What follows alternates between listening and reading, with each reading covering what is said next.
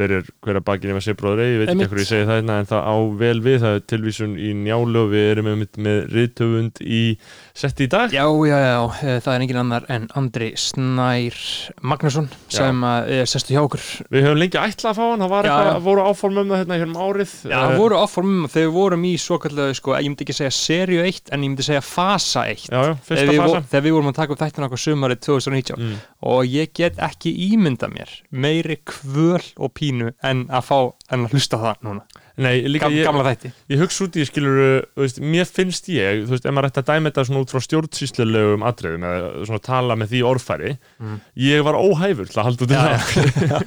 Þú veist, já, já. það hefði verið hægt að bara úrskurða mig óhæfan þetta var svona þannig að, þú veist, að það ætti svona nokkuð að svona sviftaði sjálfræð Já, dæmi. absolutt, allan að svita með réttundum til þess að, að tjá mig með þessum hætti. Einmitt, uh, að, þeir sem að hlusta á gamla þætti þá, þú veist, þeir eru hræðilegir út af því að við erum alltaf að lesa upp eitthvað auður í byrjun En hvers það er líka, þú veist, það, það sem er svo fyndið er að hlustunin er, þú veist, fólk er rosalega mikið að hlusta á gamlu þeim Já, já, mér finnst það mjög ókveikandi sko. hlust, Hlustunin á þeim, þú veist, ef, að- ef að hún kannski stoppaði bara einhverjum tímabúti þá hefur hún tvöfaldast, skilja, á síðustu mánu. Já. þegar nýja hlustandi kom inn og þeir fara í katalógin Já, þeir fara bara niður og sjá bara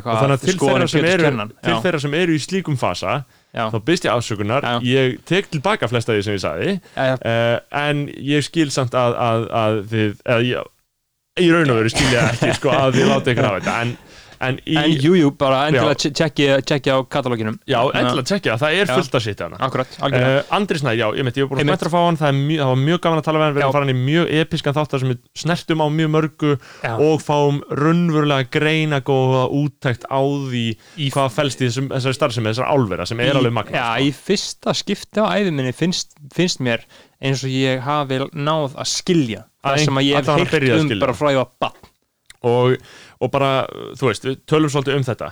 Uh, og, og hvernig þessi hvernig álfyrirtækin hvernig þeirra modus operandi er veist, hvernig, hvernig þau ha- haga sér og hvað þetta er systematíst sko. Mhm. uh, En áður við gerum þarna- það þá viljum við víkja að því snöggvast að Já. við náttúrulega höldum út þessari starfsemi með því að Við gefum út tvo þætti á viku já, og það er, veit ekki Það eru tveir vinnudagar já, það. þetta er frekar mikil vinna Já. og við reynum að fá einhver smá laun og einhverja umbun fyrir þetta í gegnum áskrift veist, það er Mhm. ekki samt, þetta er ekki styrkir þetta er áskrift, þið fáið, Já, já, bókstala heilan þátt á viku sem er alltaf eitthvað sérstakt þema og eitthvað gas. Einmitt. Og það eru bara við tveir og síðan eru þessi þættir alltaf ókipis og þeir verða alltaf ókipis að þið munum aldrei rukka fyrir aðal þættin okkar. Nei, uh, þannig að það er dæmi, þið getið farið inn á Patreon og sem getið bara látið þetta fana inn í uppin ykkar skilji, getið Já. látið farið inn í Apple Podcast Þú farið, er. þið, fáið svona e-mail link og fáið það inn í RSS feedið ykkar á Apple Podcast eða vera á Patreon appinu, þetta er bara stanslaus veisla, stanslaus stuð, það eru þrjár áskriftar leiðir þrjár afskvita leiðir fyrir þunglindu skeggjuð andlitin Já, ykkar mis, mis já,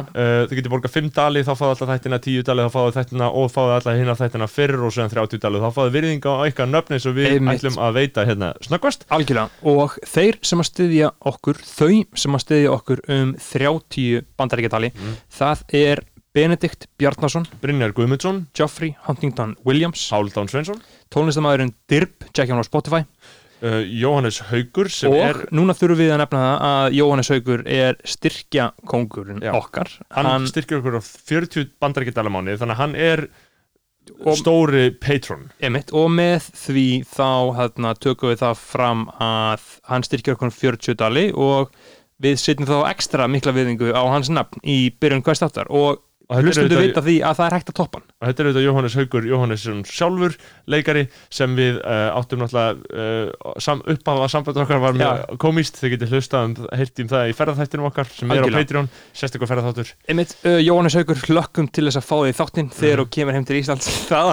verður sögulegu þáttur. Já. ég get ekki beðið. Kristoffer Daði er næstur. Einmitt, og síðan að því er móður okkar hún skrifar mamma er að hlusta það er gott að vita því, uh, elsku móðir. Síðan er það önnur, þessi nafnlaus kona. Uh, önnur nafnlaus kona. Og síðan er það Tandri Snær Traustason sem má geta að Já, fyr, er, fyrirverandi styrkjakongur. Hann er með 35 dali á mánuði. Já, já, uh, Tandri þú getur hækkað upp eða bara uh, sjáum hvernig þetta þróast. Einmitt takk fyrir þetta Tandri. Uh, síðan er það Tind- Tindur Kárasson Tindur Örvarsson, Tómas Óli Eggertsson. Áskrumi Gunnarsson. Og Úlfar Árnason. Úlfur Árnason. Úlfur, afsakið. Síðan þurfum við einnig að minnast á gjafaleikin inn á Patreon. Til þess að taka þátt þarf þú bara að vera áskrifandi að Patreon. Vera áskrifandi stiðja frálsa fjölmiðun og fá, ég veit ekki, 14-15 ferska, episka þætti og eiga, eiga möguleika á því að vinna 10.000 í peningum frá auður 10.000 í innegn í forlægin getur getið bók hálft ár ókipis hjá sambandinu hálft ár sími og net og síðan er líka hægt að vinna gistingu fyrir tvo og þryggjarætta máltíð á Siglunes Gestás í á Siglufyrði smá svona uh, skemmtilegt trít að skella sér til Siglufjörðar og gistingustæðar og fá sér að borða. Þetta getur þú unnið með því að vera áskrifandi á Patreon. Dreyðir út þann 1. november. Fyrir hver að bakið um að sé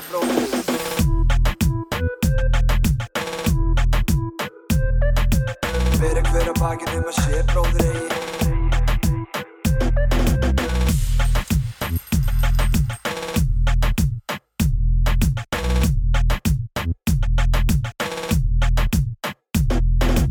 Uh, við erum hérna konum með Karlmann Vikunar, Andra Snæ Magnason í settið, velkomin Andri Velkomin Takk fyrir.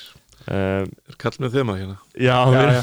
við erum alltaf með Karlmann Vikunar uh, En það, þú veist, það þýðir ekkert að þurfa að vera uh, kallkins en, Nei, nei, nei. þetta var, þetta var auðvitað ádela á hlaðvarpsformið að þetta er náttúrulega fyrst og fremst kallmenn sem eru sem stunda þetta, stunda þessa hræðilegu yðju uh, Hefur þú farið mörg hlaðvarp áður? eða?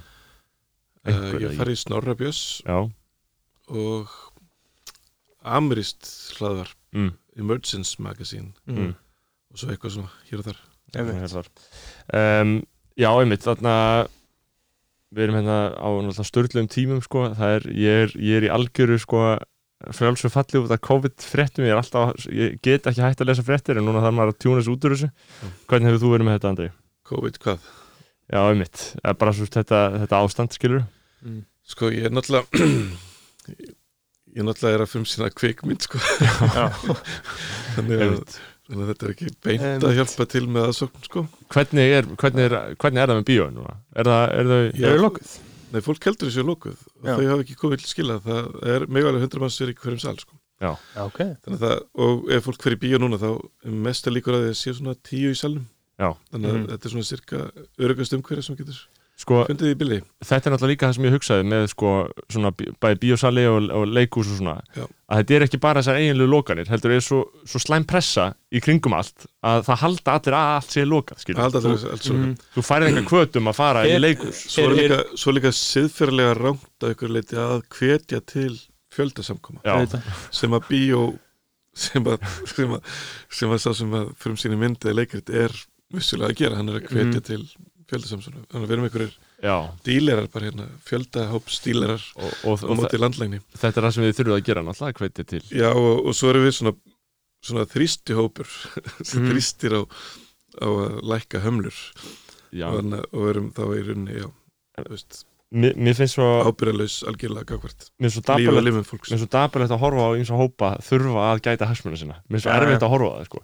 Já, því við viljum alltaf vera hlutlaus og á frontinum, Mhm. sko, við viljum ekki vera eitthvað eins og eitthvað samtök ferðarþjónustum Nei. væla út 200 mann síðan eru nokkur sem að, sem að tala máls, tungumál sko og maður ma læka hjá þeim sko já. Já, já. og maður ma, ma fílar að sé einhverjan úti sko þú fílaði gymgaurin á Akureyri. Já, ég fílaði Jimgur á Akureyri, það var rosalegt sko og ég fíla líka sko uh, því ég er svona í, uh, hef mikla hagsmun á því að tónleikahald sé lift og mentaskólaböll og grunnskólaböll uh, ég tala ekki fyrir því, skilur en það eru menn eins og Þú Máni Pétursson og Króli sem eru að, sem eru að tala fyrir þessu sko og ég læka það sko. Þetta er alveg drölli fúlt sko að- að, að, ég, ég var ekkert svona ég setti þetta upp í svona ævintýraform um daginn. Eitthvað var sem þeim er þú veist, ef það væri skrifað með þetta eftir þúsund ár mm. Mhm, svona, það er bara að gera allt pixlaðra og svona mhm, að það var einu sinni á jörðinni að allir regnuðust tæki þannig að þeir gáttu séð og skilið allan heiminn Mhm. og miðlað öllu til heimsins en allir sneru tækinu bara sjálfum sér Mm. tóku bara selfie í stæðin fyrir Mhm. að laga heiminn og, og allir trúðu þeir væri svo miklir einstaklingar og sama tíma fóru að koma upp hópar sem að vildu herða landamæri Mhm. og, og þannig að guðurnir á fjallinu þeir, hugsaðu, já. Gerum það bara einstaklingum. Sjáum, sjáum hvernig þeim finnst að vera einstaklingar. Mm. þú verður svo mikill einstaklingur þú getur ekki sem verið í hóp. Mm. þú, bara, þú ert með tveggja metra bil millir þín og næsta einstaklings. Einmitt. Og já, viltu hafa landamæri? Þau sendum útlendinga í Tenerife, já ok. Breytum reglanum nú, ertu bara, nú verður bara hver og einn í sínu landi. Mhm. ég vil í sínu borg eða sínu götu. Bara, hvernig finnst þið það? Er það, er það gaman? Og, og síðan þannig að ég vartu alltaf að taka selfie þannig að grímu skilda getur ekki sérst ekki mynda þér þannig að, já, þannig að guðirnir, guðirnir breytur leikreglunum og, og, og, og svona mítasar saga sko.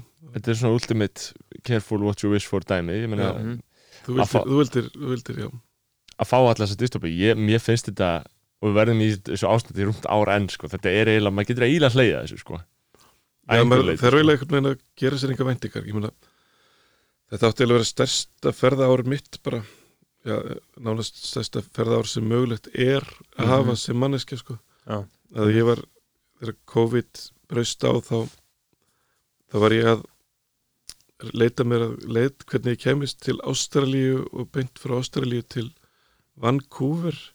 Vá, það er hræðilegt þaðan til, þaðan til, þarna, og þaðan til þarna, Minneapolis, þaðan til New York þaðan yfir Ísland til Berlínar og þaðan til Norðurlandana Mm. mm. því að bókin var að koma út í allum þessum löndum Mm. þannig að það átti að vera svona bara eða frá mars til lok árs átti ég eiginlega að vera á beita því að bókin minn er að koma út í 26 löndum Já, og hvert land vildi fá mig þrísar sko.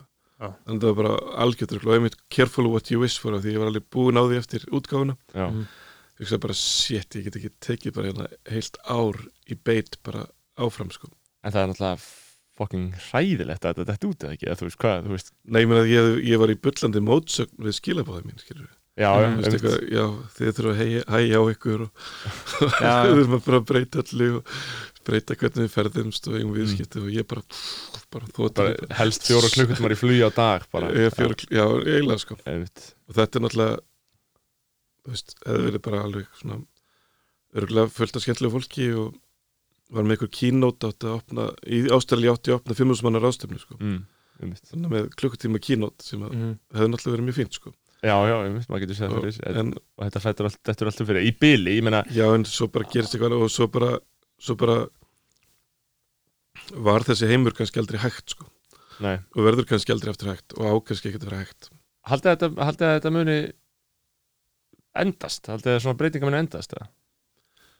Já, það er að koma bara önnur það sem ég held er að hlutir gerast svona rykkjum fram og aftur sko. Mm. þannig að núna erum við dreina alveg bara aftur svo kemur öll eitthvað hlikkur sko, fram vegna þess að við erum með svo mikla á Íslandi það var bara um leið og allir örnir bólusetti það bara Tenerife og ég held að vera svona fjölda flutningar frá Íslandi þessum fólk ákveður að dvelja ár á Spáni eða eitthvað. Það verður bara svona er bara og, og, og, og þú bara þú tekur mynd af stuðlagili það verður bara púaði niður. Bara, bara aldrei aftur stuðlagil. En- Engin læk á það sko. Og þarna en, en, en síðan náttúrulega þegar fólk er kannski búið að fá þess að útrás að þá kannski gerist ekki svo rætt það tekur smá tíma fyrir flugfélagin að rístarta sig. Mm. En að lofslagsmálin eru náttúrulega að verða algjörlega óhjákvæmlega sko. Það- og, og, og þeir eru hvað 20 25, 30 23 og 5 þú veist, þið eru að leggja inn á lífeyrissjóð skilur þið eru að borga í lífeyrissjóð. Mm. og hvernig er að fara að taka út úr þessum lífeyrissjóði? 2000 þarna 2000 65 2065, já. þið eru, núna að hugsa og eru að borga inn í lífeyrissjóð 2065 og bara hvernig líta lofslagssúlunar út 2065 einmitt. Þú veist, af hverju ættir að vera fjárfesti í einhverju fyrirtæki en einhverju norsku olíufyrirtæki sem er að fara að rústa árið 2065 að því þú ætlar að taka út úr lífeyrissjóðunum um 2065 já, já. Þú veist, þetta er bara, þið, eru, Mm. þið hljótið verið að fara að hugsa allt öðruvísi mm. að, já, að, að, ég veit, það er satt ekki að gerast sko. Já, ég sko, ég er rosa, orðin rosalega einhvern veginn ónæmur, sko. Ég var þegar Andri bókin þín kom út, þá fekk ég þetta á heilan, sko. Já. Ég bara svona var með þetta á heilanum í svona þrjá mánu og var hann í New York og fór á einhver svona, Greta Thunberg var haldið eitthvað svona rally hana í Battery Park. Ég- Dumberga? Já, ég sá hana, sko. Ég var þar og Jaden Smith og Willow Smith og þú veist, það var bara allt í gangi og ég var bara, ætt, þú veist, núna er heimurinn bara, þetta er allt að koma. Og síðan svona voru þrý mánuðir sem ég las allt þetta helsta bara eitthvað Uninhabitable Earth og Naomi Klein og fekk þetta svona svolítið mikið á heilan sko. Og síðan kom ég heim til Íslands. Ég var svona á þryggja mánu ferðalagi um Suður Ameríkan og var bara með þetta á heilanum allan tíman kom síðan heim til Íslands og bara fór í algjörlega samanfar. Einhvern veginn bara hætti að næra hlusta podcast um þetta hætti að hugsa um þetta og held bara áfram að þú veist, lifa mínu bullshit lífi. En síðan kom alltaf COVID þannig Já, COVID er náttúrulega raskað allu, í raunin náði COVID miklum meiri árangri heldur en það er náttúrulega svo, svo skrítið sko. ég heldur að litla Thunberg það er náður árangri eins og kom eitthvað ennþá minn en Thunberg bara Já. veiran og, og, og losin fór niður um 20% en ég held samt að kynsluðan sem að lifir þetta kannski þeir eru 23 ára og kannski gamlir mhm, en, en þeir sem eru sko 10 til 15 já, já, og upplifa það er þetta slökk og hagkýra heimsins.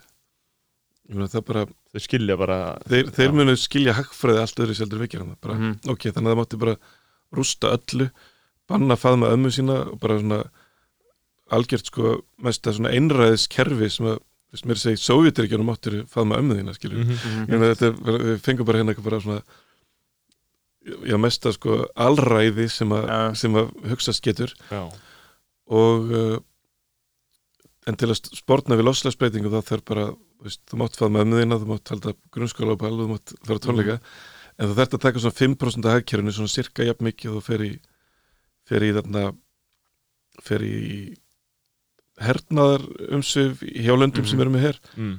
og beina því í að Mm. kólefnis hlutleysa hagkerfið sko. já, það, það, er, það er svona það sem hagfræðingar tala um og, og, Mm. og, og, og miður við það að bara drepa þjóðaframleyslu um 20% eða eitthvað einu ári, það, þá er það bara líka vegna þess að það dráp fólkstíð að gera ekkert er að, að, Já, að drepa eitthvað mhm. en í rauninni þessir 5% sem þurft að eyða væri þó allavega það er ekki meira það nei það er ekki meira það eða svona samkvæmt þe- þeim svona þú veist, og þó það væri 20% eða, eða 15% Mhm. að þá er það allavega verið að svona setja orku og mannafl í eitthvað Mhm. sem að ætti þá vendilega að skila sér í, í þarna, til framtíðar sko. En það er á, líka aðtilsvægt með börnin sko, af því að þetta er náttúrulega svo, er svo gigantísk sko, reynsla að, að emitt upplefa þetta sem barn sko, veist, eh, við erum búin að vera að fara um alland með, og hitta fullt af börnum þetta og bara skilgreinir kynsluðanar sko. algjörlega Mm. sko, og, og á sama hátt er þetta líka rosa skríti fyrir, eða, sko, fyrir því að þú veist stundum voru eitthvað svona, já, heyrðu, krakkaði með ekki hérna snerta okkur of mikið, bara chilliði núna aðeins og skilju, og sem var svona viti ekki alveg af hverju, bara, jú, COVID, COVID, allir bara COVID, jú, COVID, COVID, þú veist, það er er alveg búið að útskýra þetta fyrir þeim, sko Mhm. og þau eru bara, ég er um þetta að hugsa bara að vera barn og vera að, þú veist, ef að þetta hefði blasað við hjá okkur, sko, þetta er svo svakalega áhrif sem þetta lítur að hafa á all líf Mhm. þeirra, sko ég er náttúrulega ólst upp með eðniveruna sko. mm. og þá það var náttúrulega svona hugmyndin um kynlíf allt í hennu bara bannvænt skilur getur ímyndað er að fyrst getið sem ég sá allsbera manneski í sjónvarpinu það var ha, vá, allsbert fólk bara, vá, ég heldur sé brjóst í sjónvarpinu bara, ég er 13 ára, engin, ekkert internet og engin blöð heima bara, vá, allsbert fólk í sjónvarpinu svo bara, kynlíf Já. Já. það, er bara, það er ekkert skellett sko og maður fór að hugsa sér Mm. ég sá alveg fyrir mér svona eitthvað svona svona heilgala kynlíf ekkert fyrir framtíðinni þá verður þið kannski eitthvað svona já, já, já. svona le- Mhm. endinga því að það þá heldur menn að það væri jafnvel jafn smittandi COVID skilur Mhm. að jafnvel getur fengið í strætó og jafnvel getur fengið í sundi Mm. og, og þeir sem að fengu þessa veiru náttúrulega upplýða alveg hræðilegt sko þú getur, já náttúrulega er hræðilegt eins og þeir sem hafa fengið þessa veiru og dáið úr hann í einhverjum plastbókum sko Mm. Og, og í rauninni ósnertanlegir og að, að samanskapi var það svipa þá að, að það var svo mikið stigma um að koma nála þessu fólki sko Mhm. hvað var þetta lengi? eða inniveran var ég heldur sem bara nýbúin að finna Já, svona- Já, ég, ég, er, ég er að tala um svona stigmað, þú veist, hvenar fattaði það fólk er örgulega 10 ára ætla, það var ekki Já. svona 82 til 92 Mm. en það, það var allavega mjög dágótt tíðanbíl þar sem að mjög margir dói Mhm. í, í þeirri En stig, stigmaði er náttúrulega ennþá ekki algjörlega yfirunnið. Ég meina það, það var bara mér sem frettablaðin einhver hræðileg fyrirsögnum daginn sko, sem, sem var smá vesen út af sko, þegar hún sagði eitthvað svona eðinni smitaður einstaklingur hóstaði í stræt og þetta var eitthvað svona á Íslandi. Þú veist. nú, nú var það núna Já, bara þú veist, fyrir Mhm. engum, bara Já. fyrir nokkur vikum sko. að- af ok. því að það var sko og það var mjög fljótt bakla svo breytt sko, en þú veist, Já, það var nefnilega divafrétt sem að var alveg fræg sko, það var eðnisjúklingur guppaði leið tíu já, og það var strætóðan það var, já, og, og, og auðvitað ljóst sko bara til þess að árætta að vera hlustundum að eðinni smitast held ég bara í gegnum sko, jafnvel sko, ég held að sé bara blóð í slímhúð eða eitthvað þannig sko, Já. sem það þarf að vera sko. þetta er eitthvað mjög þetta, þetta er frekar mikið af kynlífi sem þú ert að stunda óvarið held ég til þess að þetta komi sko. en þetta var rosalegt, ég mynd horfði á myndina Philadelphia, þegar þeir var í Philadelphia sko, Já. Mm. það var stemming sko þetta er Tom, Tom Hanks og Denzel á, Mm. þá er Tom Hanks uh, samkynniða maður með Já. og það, með Denzel þess að frekar djörf ákvörðin hjá honum þá að leika Já. samkynnaðan mann með eðinni sko algjörlega sko og Mm. nú fylgist með uh, fordómanum og allir því í Já. bygmyndinni sko góðmynd En Andri, þú varst að segja þarna með að þú getur ekki fyllt eftir bókininni eh, og, og átt náttúrulega þegar ég náttúrulega einhverjum þarna, þegar ég er svona í, í einhverjum vandræðum náttúrulega með að fylgja eftir þessari bíómynd líka sem við náttúrulega þurfum að ræða eins betur en sko með þessa bók að því ég var einmitt að lesa það var heldur bara á forsýðum okkans um daginn núna spjallið hann, Ragnar uh, Jónasson eh, já. hann er alltaf eitthvað á topplistanum með Spiegel og selur voða mikið af þessum nýju bókum og hann er bara svona, þetta gengur mjög vel hjá Ragnari alveg svona, Mm. hann er mjög stígandi finnst mér sko já. Og mér svo aðteglisverðu munurinn sko að því hann var einmitt að segja þetta sama sko, hann getur ekki fyllt eftir bókinu sín Þískalandi og svona, þannig að það hlýtur að vera ömulegt sko, það væri náttúrulega epíst að fara um allt Þískaland kynna einhvern krimma sko. Mm. Um, en þú veist, ég fór að hugsa með Ragnar þú veist, að því að ég er búin að sjá svo mikið á hann hann er búin að vera í svo mörgum viðtölum Já. alltaf um þetta sama, þú veist, nú er hann í öðru sæti í Spiegel, nú er hann í fyrsta sæti í akkurat. ég trú ekki að ég sé í öðru sæti, ég trú ekki að ég sé í fyrsta sæti. Og ég hugsaði, þú veist, munur eitthvað svona akkur er ég að sjá svona mikið af þessum gaur, akkur er ég alltaf að fokkin lesa sama viðtalið við Ragnar Jónasson? Uh, og þá hugsaði, þú veist, Arnaldur fer ekki einmitt, einmitt. hugsaði hvað það er gott hjá hann, ég raun og veru þannig séð, sko, þú veist, það bara hann bara, maður sér aldrei þetta viðtalið við Arnald, skilur Nei, nú ferðast ekki sko. Og ég myndi hugsa þetta líka að, að það er ekkit forsenda fyrir því að sprengja sig út sko. Mm. Ég reyndar er með sko fyrirlestur líka. Já, þannig að þú veist, það er það svona, hefur eitthvað inntak það er svona performance sko Já, já. sem að það, það er við fullir vering fyrir Arnaldi þá var ekkert sko það var fyrirlesturinn mjög, mjög rólegir sko.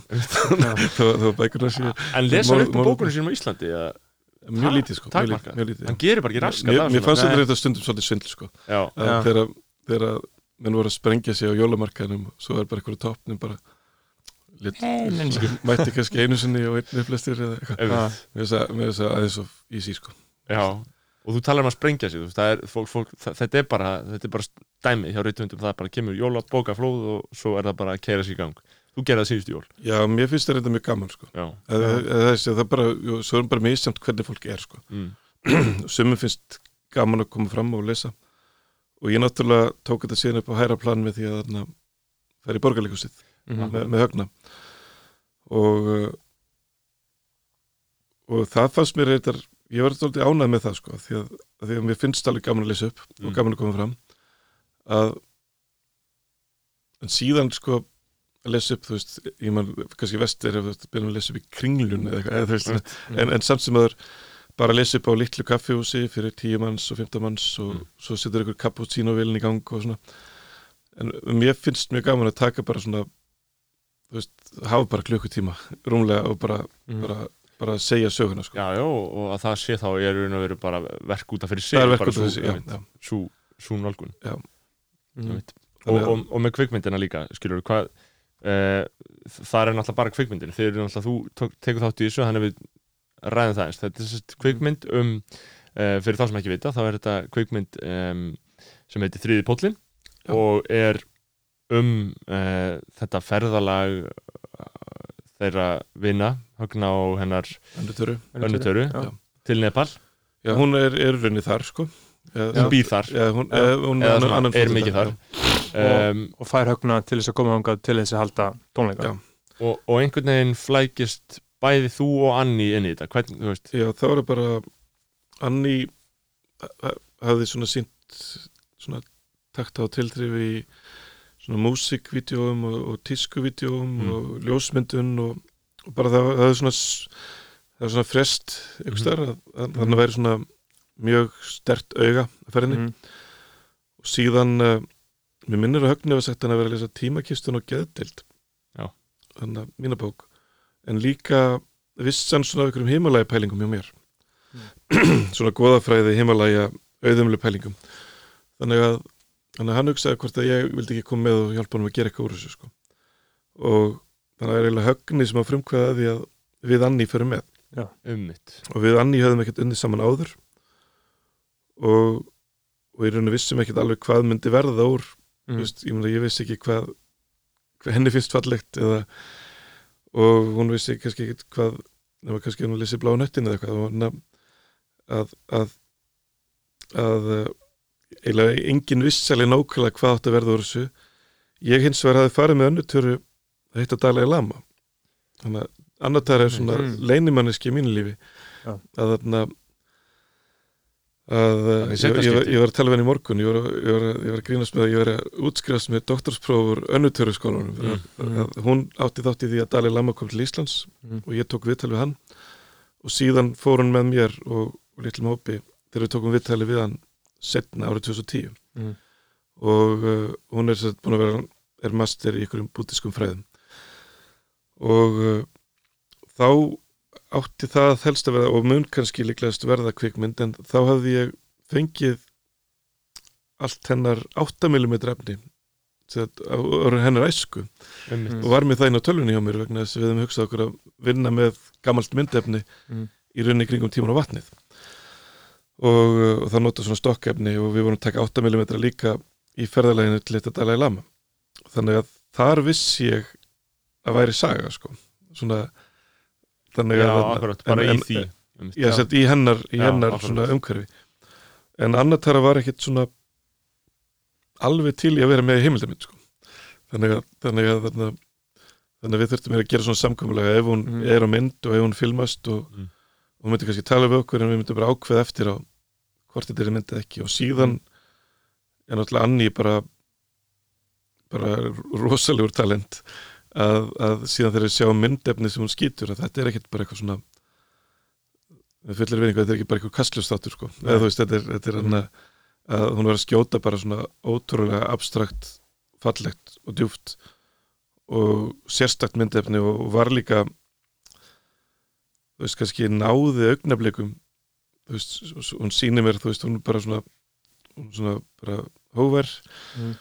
og þarna með mér svona með svona hófstilta nærveru þannig að, þannig að þegar hún fór að sína mér efnið sem hún náði þá hugsaði ég bara, ok, þetta er bara þetta er, bara, þetta er miklu meira en einhver svona lítil ferðarsaga Mm. e- eða, eða fimm mínúna klipp en að tónleika upptakan verður í, í Katmandu sínd í sjónvarpinu Mm.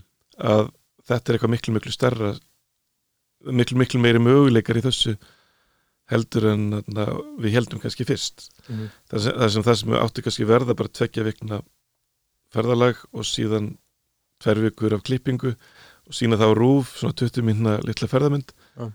að við sáum að þarna var mjög stór æfisaga, ummitt mjög stóra tilfinningar Og- og, mikið visual heimur sem að þarna, sem að fílarnir og svona Já. já, Og hver, hver eru þá hver eru þá næstu skref? Hvernig fer svona framleiðsla á svona alveg heimildmitt? Hva, hvernig, hvernig fáið pening og veist, hvað, hvað þurfum við að gera til þess að búa þetta til? Þetta hlýtur náttúrulega kosta sitt eh, mannafl og tími og já það allt. er náttúrulega ferðir stærsta framlagið er sko eigið framlag Já. tími, tími Anníjar og, og minn og, og Evalind klippari líka sem að, sem að þarna er einn mi- mikill í á náinni samvinni við okkur Mm.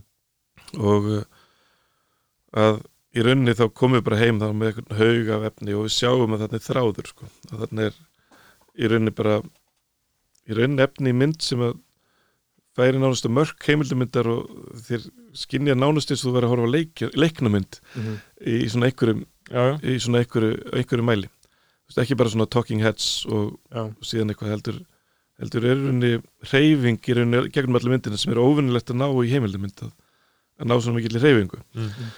og díalógum og, og jafnvel svona veist, oft í heimildumyndum þá, þá næst þetta eina atrið þar sem að sími ringir og þú færi fréttir eða eitthvað, skilur en, en og þá erum við bara með flakkara með óbúslega fallega efni. Og þá er spurningin hvað að gera við þetta? Og ég fer svona að sjoppa og svona þú veist, er ekki eitthvað til að framleiða þetta? Mhm. en það er bara allir, eiga allir nóg með sitt sko. Þú veist að framlega þetta næstu þess að fá ykkur til að nefnir að skrifa skálsögur mig hérna, maður og kona og hérna með þúsund blaðs hérna, hérna með orðabók. Já, og svo Já. bara klippir orðin sundur og, hérna, og raðar þið upp í hérna. Og þannig að það var lengi til í allir með nómið sitt. Mhm. þannig að í rauninni endaði ég bara á því að stopna framlýslu fyrirtæki Mhm. fekk til liðs sem mig Hlín Jóhannesdóttir sem er líka svona reyndur framleiðandi. Og og svo fer ég bara á Kristi nokkra góða menn. Já. og þarna já, svo þetta, svona bara spyr fólk ok, ég er núna að fara að leggja nokkur ára æfiminnar á mjög lágu kaupi. Þið eru hérna að vinna ykkar vinnu og ykkur langar kannski til að láta gott að ykkur leiða er ekki til að hjálpa okkur að láta þetta vera veruleika. Þannig að vinnu minn Samil og vinn okkar fram til sjálfsvík hann hjálpaði mér að safna smá uh, annar leinimaður í útlöndum Mm. gaf smá í hana og uh, hann hjálpaði mér hann Gunni Gunni í Perlinni og hann svona ymsir góði menn og síðan hann Sigur Gísli framleiðandi kemur inn í þetta sem gerði draumalandi með okkur Mhm. Pappi, pappi Gísla Gísli var Íslandur. nú, já, já, betur þekktur og, og síðan síðan hann gott að vera betið þetta og síðan, síðan bara kemur kvikmyndasjóður inn Já. Já. þannig að við fengum svona framleiðslu styrk frá kvikmyndasjóði sem náttúrulega skipti öllu máli Mhm.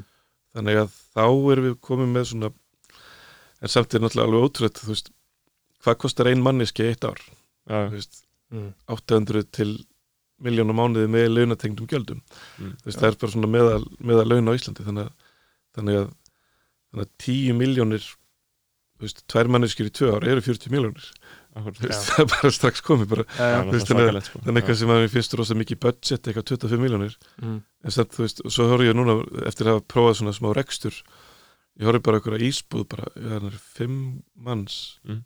Mm. fimm manns í eitt ár Já.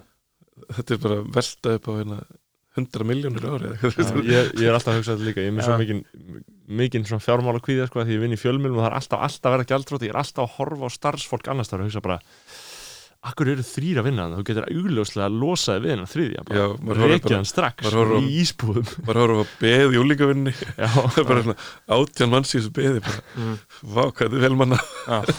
Þú veist, þegar ég hef verið til í aðstofamann bara einn já, dag í viku.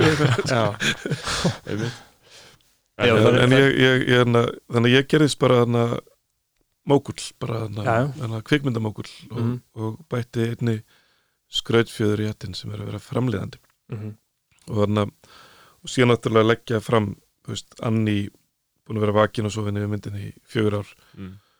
og, eins og ég sagði hann Evalind klippari veist, þetta er ekki fólk sem er að stimpla sinn sko nei, nei, mitt ekki þetta er bara vinna og, og, og náttúrulega alltaf hægt, allt hægt, þú veist, þegar listin er annars vegar, þú veist, þá er þetta náttúrulega öðruvísi dýnamík Og hver, hver eru þá möguleikinir á að uh, myndin kostaði 25 miljonir?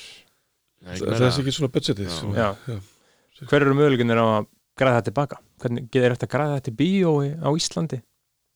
Nei, ég held ekki sko Ég held að þetta er náttúrulega bara ég held að núna verðum við nokkuð sáttur ef við náum markaskostnaðan tilbaka Já, já. með því að hafa sett henni Einmitt.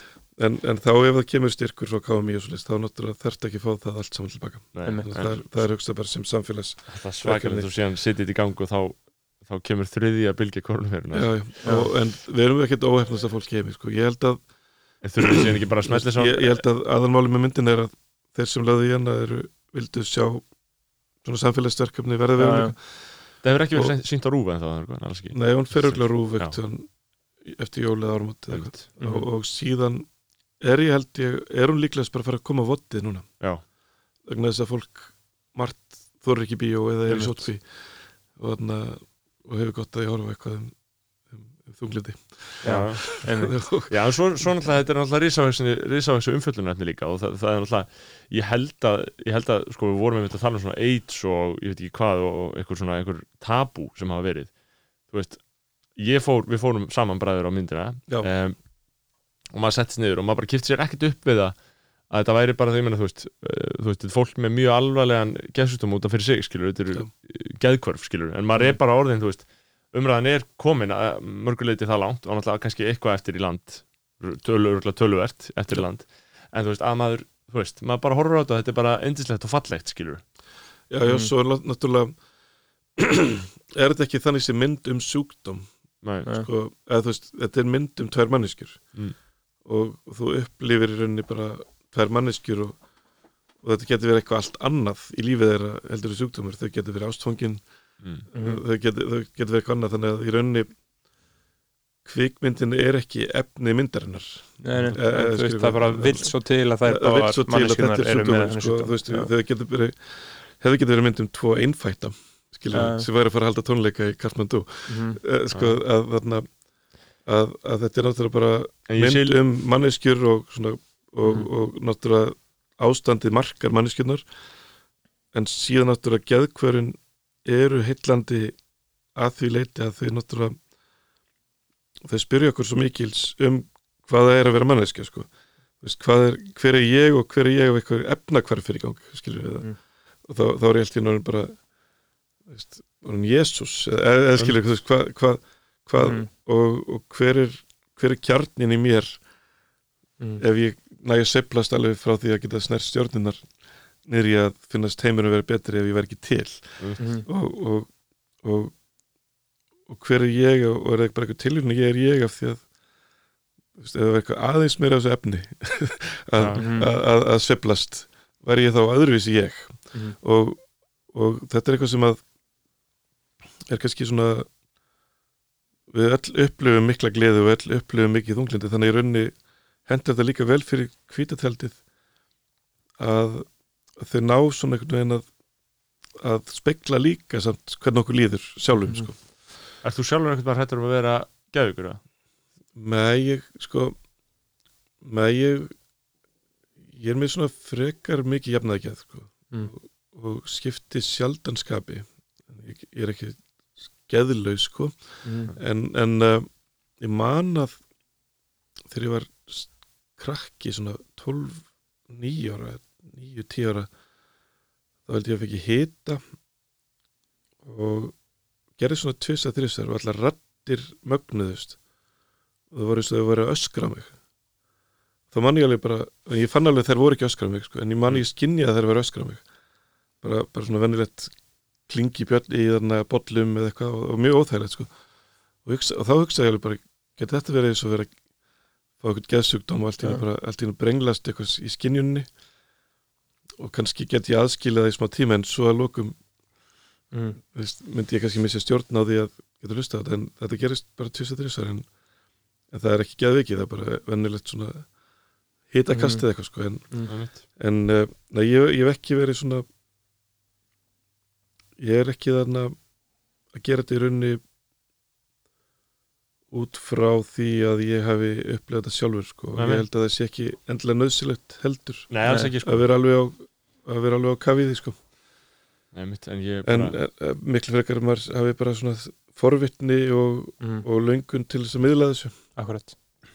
En ég líka, ég líka hugsa um að því ég sé svona tengingu í þessu ég sé svona, þú veist, að því að ég, ég var, ég fór að blæða núna í bókinni í aðdraðanda þessa en, en hins vegar má, má bæta við sko að að svona mynd er náttúrulega að ég, ég tek þátt í henni Anni tekur þátt í henni Eva Lind og Davíð Korno og Anni er á klippana að fólk náttúrulega klippir sína tilfinningar inn í myndina sko Mhm. þannig að, þannig að þeir, þeir, þeir í hópnum sem að hafa upplifað þunglindi eða, eða eitthvað annað sko og, bæði ég og aðrir sko þú veist að að í rauninni fjallar myndin um tvær personur en samt á mjög skrítinátt erum við að nota þessar personur sem hljóma náttúrulega ekki vel sko. Líka kannski til að miðla því sem við vildum segja sko Einmitt. þannig að, þannig að, þannig að og hvernig ég nánast okkur líður. Þannig að, þannig að svona heimildamind er áhugavert form Mhm. að þú þarft að halda fullan trúnað við personar en samt ertu kannski ekkur leiti að túlka sjálfa þig eða, eða sögur sem þú vilt segja að því að heimildamindi fjallar líka um okkur sko, þess að, að höfundar myndarinnar búa til ákveðna mynd þið hefðu gert allt öðruvísi mynd sko. Mm. Þannig að myndin er sko líka höfundaverk sko Já, akkurat, þetta er ekki bara einhver hlutlaus upptaka af fólki Nei, þetta er, og, og, og ekki þú veist, sannleikur eða veist, það er það svo margir Mhm. margar leiðir til þess að miðlunum sko. Og, og, og þið getið ekkert bara að skrifa eitthvað handrit og svona verður myndin, fara síðan að skjóta Nei, við getum það heldur ekki sko. en, en hins vegar höfum við í rauninni sko sjáum við sögu sem að við viljum ná og þannig að við erum mjög meðvitið um að okkur vantar þetta við viljum fylla upp í þessa sögu sko. við, við viljum að þessar tvær sögur verði sagðar sko. og þá er bara spurningin vill fólk segja sína sögur og Mhm. er það vel gert og svona síðan er það eins og ég var að segja ég, maður, maður sé síðan einhverju tenginga því ég var að, að, að lesa bókinni þinni í gær og um, maður spænir vel að merkja mjög mikið í gegnum hann. Ég las bara, ég sat, langt síðan ég lesi bóki að hratt sko. Það er- leiðilegt, ég var svo lengi að skrifa hana. Því ég er alltaf er í svo tyrnum texta einhverjum ni, leiðilegum nýtja texta Já. og svo allt í hennu kemur eitthvað sem er aðeins svona um, tekum be be betur á móti manni sko þannig að það er, það er en neikvætt held ég. En uh, þar, þar ertu líka að tala um þetta sko þú veist ert- myndin heiti þriði í póllin og þú ert, varst að tala um að þú ert með eitthvað svona áhuga á, á þessu himalæja þessari himalæja pælingu og, og, og auðhumlu sem þarf kannski að útskýra sérstaklega fyrir hlustundum ef þeir eru að koma ferskir á borðinu sem er þessi, sem er þessi belja Mhm. frum kýrin Ja. sko, úr, úr, úr stóra, stóra kusan stóra kusa móður, móður kýrin sem við komum Mhm. það er auðhumla, það er sérst bara þetta, þetta fyrir bara í norræni góðafræði þar sem að, og, sérst, og, og, og alltaf sagt þar að, að alltaf sé ekki, henni er væntalega líst bara í snorra ættu og það sem er sagt bara að, að þessar ár renni frá henni. Eh, svona sem, sem gefið síðan mannkynur líf að einhverju leiti Já. Eh, og þú, þú dreifur upp einhverja hlýstaðu á milli hennar sem pælingar og, og, og, og, og heimalægafjallana sem eru með þessar stóru ár sem fara og, og næra þessar heilu, byggðir Já. uh, mætti líka reynda að segja það um, um hálendi þarna fyrir austan að það sé nákvæmlega sama í gangi þar þessar ár sem renna þarna niður, niður Já. í fljótstælun og þannig að í rauninni er, eru jöklarnir svona eins og einhverjar svona frosnar kýr ummitt og, uh, og árnar sem að þær gefa frá sér eru bara uppspretta lífs fyrir miljard erðabúa Mm.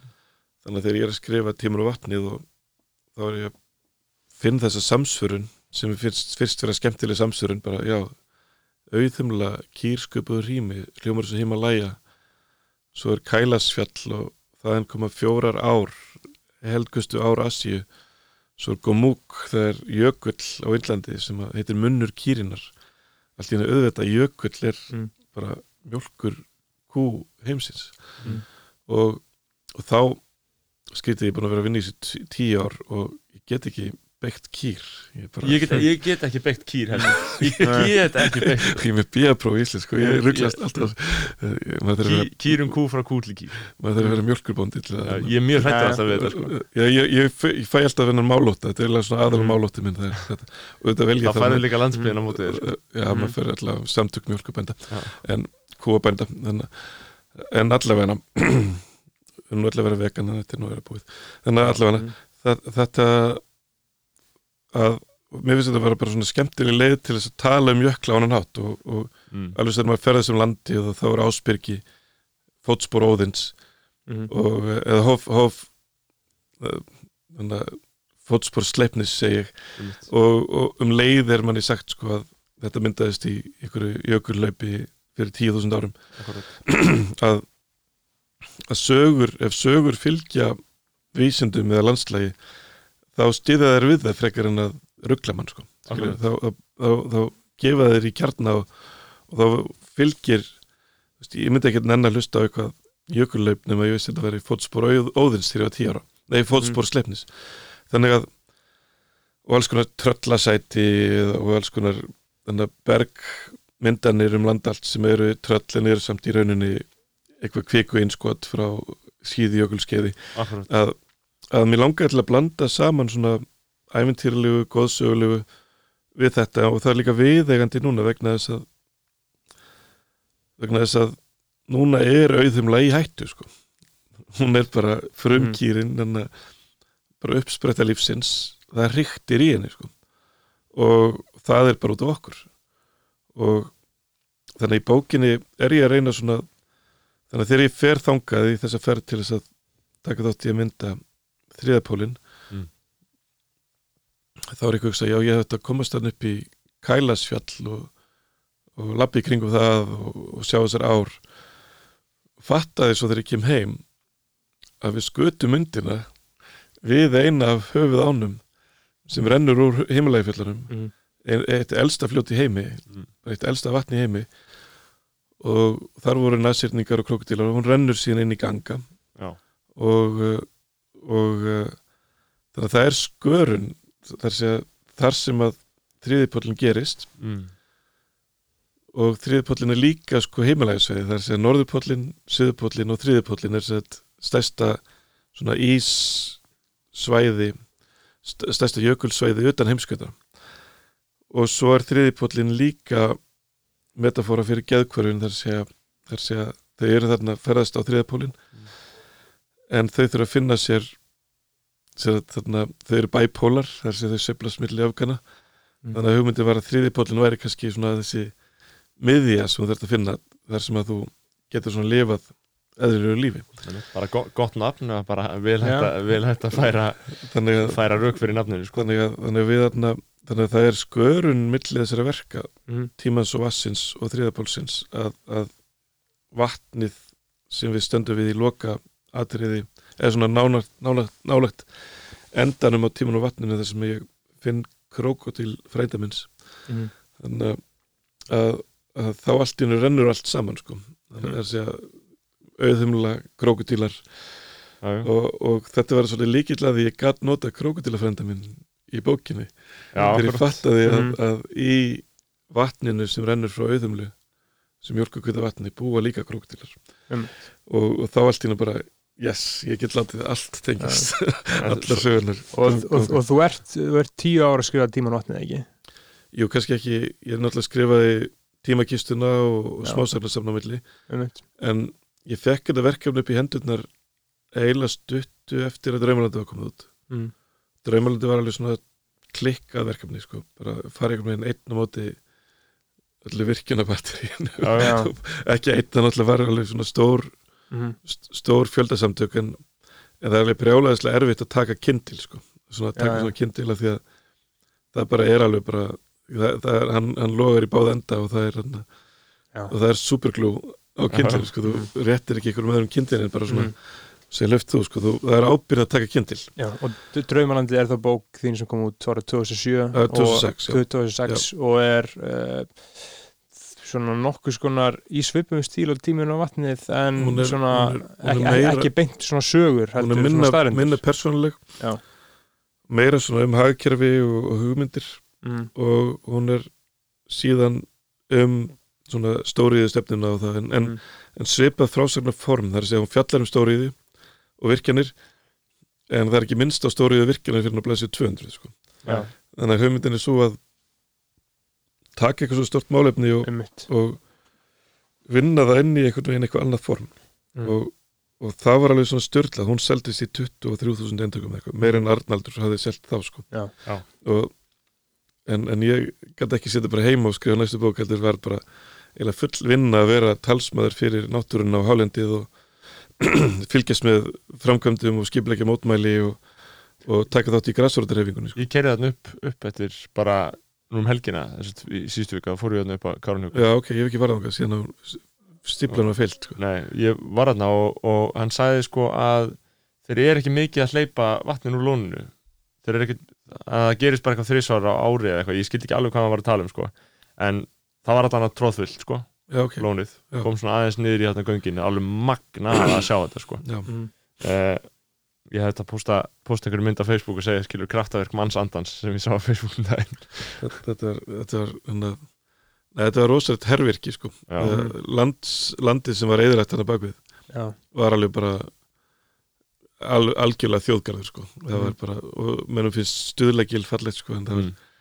en ég, held að, ég held að ef, ef við tölum um einhverjar, einhverjar svona okkar kynslu, ég held að náttúrulega enginn náttúrulega síst af öllu átti sig á því hvað var þarna ég, Ég- ég átti mjög erfitt með að sjá fyrir mig ég var að reyna að sjá fyrir, ég, þetta var bara fyrst sem ég sá skilur, þetta var bara það, það þetta. er mjög erfitt að Já. þetta er eins og bara að reyna að sjá fyrir sér botnin og einmitt.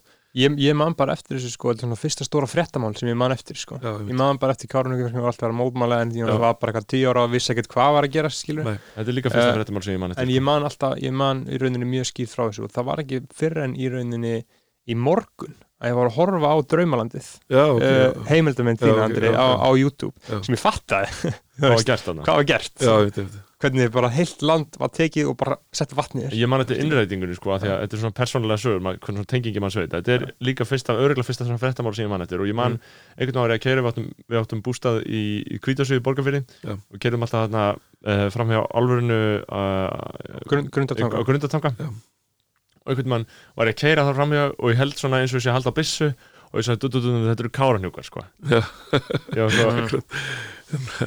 Já, svo, Já, svonum minn er, er, er ekki jafnaldri þinn jú, Já, hann, hann er mitt sko bjóð til svona skilti Ú á kárun okkar sko Mm. mm. og þá var ég mitt að hugsa mikið svona hvernig, hvað má maður svona Já, það mátti láta hvað, einmitt. veist, Já.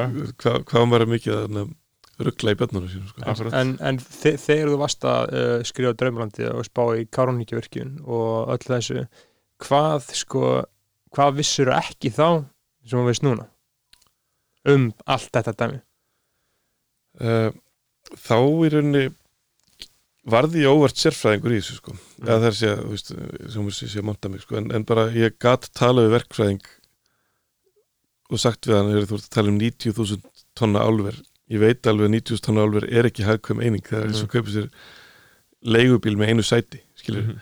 þú veist, það er ekki að fara að kaupa sér leigubíl með einu sæti Nei. þú, þú þarft að hafa fimm sæti í leigubílum þú veist að þú ætlar veintilega veist hva, hva, það mun 90 aldrei borga sig fyrir að kera leigubíl sæti, þetta er bara rugl, þú ert bara, bara að ljúga að mér, skilur En 90.000 tonna álver er þá álver sem framleiði 90.000 tonn á einhver hvaða tímaeiningu? Uh, já þá ári, sko, ári, já. 90 tonna ári Já.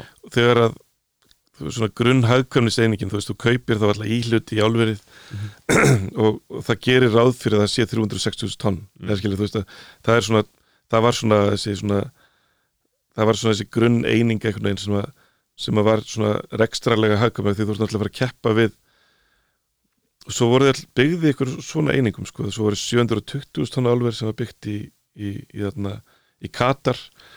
Það var þá kyrt á jarðgasi. Og svo, þú veist, þú virtist vera byggð á þessum skala, þannig að ég, maður gæti alveg sagt þá, heru, þú ert ekkert að að byggja 90.000 tonna álver og ætla bara að taka þessa á. Þú þarft að byggja svona mikið stærra álver og þá, þá, þá vantar þig þú veist, 400 megavitt orku og ég er ekki sáttur við þig að þú ætlar bara að lauma þessu þannig inn og svo ætlar að segja okkur að þetta sé óhagkvæm eining og það verði að stekka annars þú eru að reka allt starfsfólkið. Þú ert bara að ljúa að mér þú, veist, þú ert bara ekki heiðarlegur. Veist, ég, ég vil ekki segja þú sett óheiðarlegur en þegar þú segir mér að þú ætlar að byggja 90 tonn álver, svona lítið álver og þú viljir það og þú þurfur bara þessa einu á hérna, þá ertu beinleins að ljúa að mér og ég er ekki sáttur við það. Og, og þegar fjölmiðlar byrta síðan þína sögu þá eru þeir að taka þína lígi og segja ömmu minna það og amma mín heldur að ég sé rugglutallur og, og samsæriskenningasmiður af því að, af, því að, af því að ég er að segja að það þurfi að vera stærra.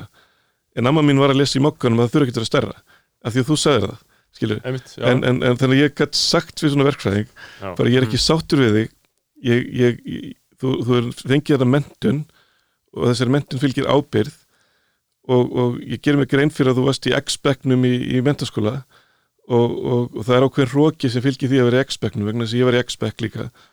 Og, og ég veit að, að ef ég var í X-bekk þá, þá er ég bara með eiginleika skilur sem að félagsfræðdeildin hefur ekki skilur þú veist, ég geti lesið upp félagsfræðdeildina á einni helgi, skilur en þau hafa bara ekki heiland til að skilja það sem ég er að gera, Akkurat. Þú veist, veist, þannig, þannig er hrókið í X-Becknum, sko. Já. og svo fer ég beint þaðan svona tvítur kallmaður beint í verkfræðina og, og það er bara það er ég formlega verndaður fyrir allir félagsfræði sagfræði, ljóðlist öllu- öllu samhengi. drasli, já, já, já. og er bara kent að hinum með við suðugötuna það er bara ekkert eins og nám þar skilju. þau myndi Mhm. aldrei skilja þess að raunfalla greiningu skilju þó þau væri í 20 ár en ég get alveg lesið þess að sagfræðibók skilju bara til gamans og, og spjallaði um það þannig að það, það kemur okkur svona stjettarróki og, og sem síðan brýst fram í því að, að flestir nenni ekki rekna og kunni ekki starf eða þú veist, bara, við bara, það er eitthvað svona starffræði fælni í okkur Mhm. þannig að, þannig að og þá komast mér að því að þeir getur bara sagt 90.000 tonn og blaðmaður skrifur 90.000 tonn Já. Bara, haha, það, það er ekkert verið að spyrja mig út í heldamyndina þannig að, þannig að, þannig ég þurfti að kafa svo djúpt onni þetta að ég var alveg komið þangað skilur Já. og þannig að ég þurfti að segja við þú ert óheðalur vegna þess að þú ert bara búið til ferli annarkvort þetta búið til álver sem verður ónýtt eins og álver í Helguvík en núna bara ónýta framkvæmt og ónýta innviði Hvað gerist þar? Sko, hvað, af hverju er heilt álver af ónýtt? því þeir byrjuðu að byggja heilt álver án þess að hafa orku í það Mm. Og það er eins og kaupið sér eins og kaupið sér farsíma og ekki batteri eða eitthvað, Já. þú veist það bara álverið er ekkert annað en orkan það er bara orkan og, og í rauninni er þetta bara svona stoppustöð fyrir báksít eða, eða, eða, eða álóksíð sem, að, þarna, sem kemur og, og bara svona rétt er tappað af á hafnabakkanum og svo aftur upp í þetta er bara þetta eins og Já, bara fullt af rafmagni í þarna í, í þarna súrálið akkurat og svo farið með álið til, þarna, til Evrópu en CO2 fyrir upp í loftið. En það verður eiginlega ekkert eftir á Íslandi nema þá bara það sem er borga starfsmenn og þá þurfti ég líka að mynda kafa hún í þetta bara hvað meinar með 100 miljardar í útflutningsverðmæti? Ég, sá hérna eftir forsíðu mokkans Af, afsaki, ég vera forsíðu djafaf ég sagði forsíðu þú veist að stóð Mm. 100 miljardar í útflutningsverðmæti. Og ég var oft með fyrirlestara fyrir jafnvel MBA-námskeið og ég spurði það, ok, þeir eru ekstra fólk hérna. Hérna stendur 100 miljardar í útflutningsverðmæti. Nú skulle þið hjálpa mér að finna þessa peninga. Vegna þess að 100 miljardar er, er næstu bara eins og sjávarútvegurinn sko. Mhm. eða var þá eins og sjávarútvegurinn og bara það er rosalega mikið náttúrulega ef, að- ef að þingmaður getur bara gert díl Mhm. og bara doblað og er heldur bara komið sjávarútvegin hérna bara, bara, Í Helguvík. bara með, í Helgvík bara með, með einni undirreitun, bara vákvæður að vera rík Já. vákvæð ég þarf að hafa mikla væntingar vákvæð ég er til að skuldsetja mig mikið vákvæð ég ætla að fá mig fell í svo næsta ári skilur ef við erum að fara að dobla þetta alls saman skilur Einmitt. svo spyr ég, ok, hvað er peningar er 100 miljardar er alveg bara, þú veist, alveg bara mjög mikið. Og ok, hvað fá, hvað fá fö- 400 starfsmenn mikið laun, hvað hva, hva, hva kostar 400 starfsmenn, við skulum, við skulum leita þessum 400 miljórum Einmitt. þannig að 400 starfsmenn, 10 miljónar mann við skulum bara íkja allar tölur. Við skulum bara láta eins og allir séu það var mjög gott. Hafið þið bara mjög já. gott skilur, þannig að við skulum ekkert vera við skulum ekkert vera leiðum þið bara að njóta vafans bara alla leið. Þannig að við skulum taka allar tölur hafa þær ég vil bara helmingi herri en við myndum ætla sko. þannig að 400 manns hvað er 400 manns með, þarna, með, með 10 miljónur á mánuði? Það er 4 miljórar, ok, ég er búin að finna 4 miljórar Mhm. ok, þeir, og þeir eru í vassanum á þessu fólki, skilur, þeir, eru- Já, þeir eru bara að fara í, í hérna, ríkiskattstjóra og, og, og í, hérna, í, í bónus og, veist, og, og, og húsbygginga að við, strax, strax mjög gott að já, vera já, við erum búin að finna 4 miljórar 96 eftir. Já, það er 96 eftir.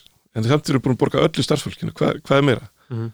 Ok, og svo var þetta ekstra fólk En við sem, ok, er ekki svona eðlilegt að Það var allavega jafn mikið starfsmannakostnaður bara svona í svona einhverja verktaka og alls konar svona Bix og Bax og- byggja eitthvað á að vissanast og skúra og kannski, kannski securitas með eitthvað og, og eitthvað. Þú veist, gefið þeim bara fjóra miljardar bara, það er rosa vel ílætt, það er alveg 400 mannskilir Mhm. á, á, með 10 miljónum mánuði. Nei, með, með 10 miljónum ári, en það er alveg bara ok, við erum búin að finna 8 miljardar ok, hvað er það meira? Það er engin innflutningsskattur, nei, ok. Jú, þeir, þeir borga skatt, nei, þeir borga ekki skatt. Ok, þeir borga ekki skatt. Jú, þeir borga fyrir orkuna, nei. Þarna, jú, þeir borga fyrir orkuna sem, þeir borga fyrir byggingukostnaðin fyrir kárinninguverkjun en sápinningu fyrir bara beint úr landi í að borga skuldi landsverkjunar það, það er ekkert að við erum ekkert að fara að byggja háskólasjúkurós fyrir, fyrir orkuverðið skilur, það er bara fyrir beint til Sumi Tómabanka. Og, og hvað þá eftir veist, okkur tókst að finna kannski svona svona, já, bara svona með góðum vilja tókst okkur að finna svona svona fjó- fjóra, átta, tíu, tólf miljardar sem svona, þú veist, svona sem að sem, hafa sem, sem við gætum svona reiknað svona, svona með góðum vilja að kæmi Mhm. inn í hagkerfið Mhm. en, en, en 100 miljardar aldrei þannig að þarna var á ferðinni svona andleg nýlendustefna það var í rauninni, þannig að þegar Íslandingur fer á til Tenerife og dettur í það barnum og, einhver spyr, hey, já Míko hérna, hvernig hefur efnað þessum cerveza hérna?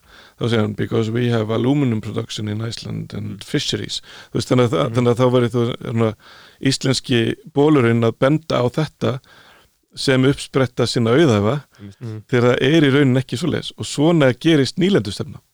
Skilja þetta er bara nýlendustefna í verki bara ekki með kong Já. Eða, eða, trúir- eða þú trúir- þú trúir Þú trúir því yfirráði að, að, að þú sért hér út af því að nýlenduherran opnaði þessa plantegru Mm. þegar raunir svo að þú ert forsenda nýlenduherrans Mhm. og hann væri ekki neitt nema hann næði að kreista þig svona og þú væri í þessu nýlendu ástandi þannig að, þannig að þetta var bara svona reynt Mhm. nýlendu kerfi sem var til og við síðan lögðum til innviðina, við tókum lánin byggðum stípluna, fórniðum landinu og vorum síðan rosalega ánægð og vorum tilbúin að segja, já við fáum 100 miljardar frá honum, Mhm. þú veist þetta er eins og bara þú bara væri hérna ég væri bara búin að ljúga þér og þú færi út um allan bæ og segja bara, akkur er þú hérna að sína handritin? Snorri bara, já, Andri sendi mig. Já, bara vá hvað Andri Mhm. góður. Bara, já, hann hann, hann, hann, hann, hann, hann, hann skilar 100 miljardum ári í ríkisjóð þess vegna þess vegna er ég hér en þetta og, er og svo bara er þetta bara er- og hvaða rugl er það? Hvað tekur þetta langa tíma? Hvena, byrjuðu þeir að dreifa þessum hugmyndum og hvernig? Og þú veist, þetta, kom, gerist þetta þetta bara, bara kom bara strax þetta bara kom bara strax við undirreitun að þá stóð bara strax 5% hagvöxt aftur fyrirsögn 5% hagvöxtur við lok framkvæmda það þýðir ekki neitt það, og þá lesum maður blæðið bara, vá, við erum að fara hvað er hagvöxtur, ég veit ekki hvað hagvöxtur er en, en erum við að fara að ganga inn í samfélagi þar sem er bara 5% hagvöxtur við lok framkvæmda þá vantilega það sem eftir er. Nei, það er bara akkurat við framkvæmda toppin verður verður bara svona amfetamin sprauta í hagkjörinu. Mhm. og, og, og, og mínus 1% hagvöxtur þá árið eftir af því að það verður bara komin annað en síðan fer ég til mér, ég var, var einmitt að, að sína handritin á Austurlandi fyrir Já. er á reyðafjörði og, og bara er að, þú veist, þetta álver er aðna, fjörðaál Já, já. eh, það er ennþá starfandi, já, já, Já. og bara í góðum gýr, þannig séð um, þar byggu 600 uh, ég, ég talaði heima menn og, og maður náttúrulega fær alltaf það er svona, það, það- það er mikil pólitík og mikil hugmyndafræði í, í öllum svörum sem maður fær og ég talaði Já. við heimamenn og ég spurði eitthvað svona bara eitthvað kennara um hvað og hvað er álverið fyrir ykkur? Eða bara hva, hva, hva, er þetta ekki snild eða er þetta ekki snild? Eða að það verður fólk verður alltaf að hafa vinnu. Já. hérna voru 600 áðurnunda kom nú eru 1600 hérna. Uh, það, það, það, það er einmitt sko, við vorum líka komin í þetta kerfi. Þú veist, að, að, Það- hvað var að segja þar skilur? að þá hefði það verið frábært fyrir reyðfjörð segjum bara að það hefði verið frábært fyrir reyðfjörð Mm.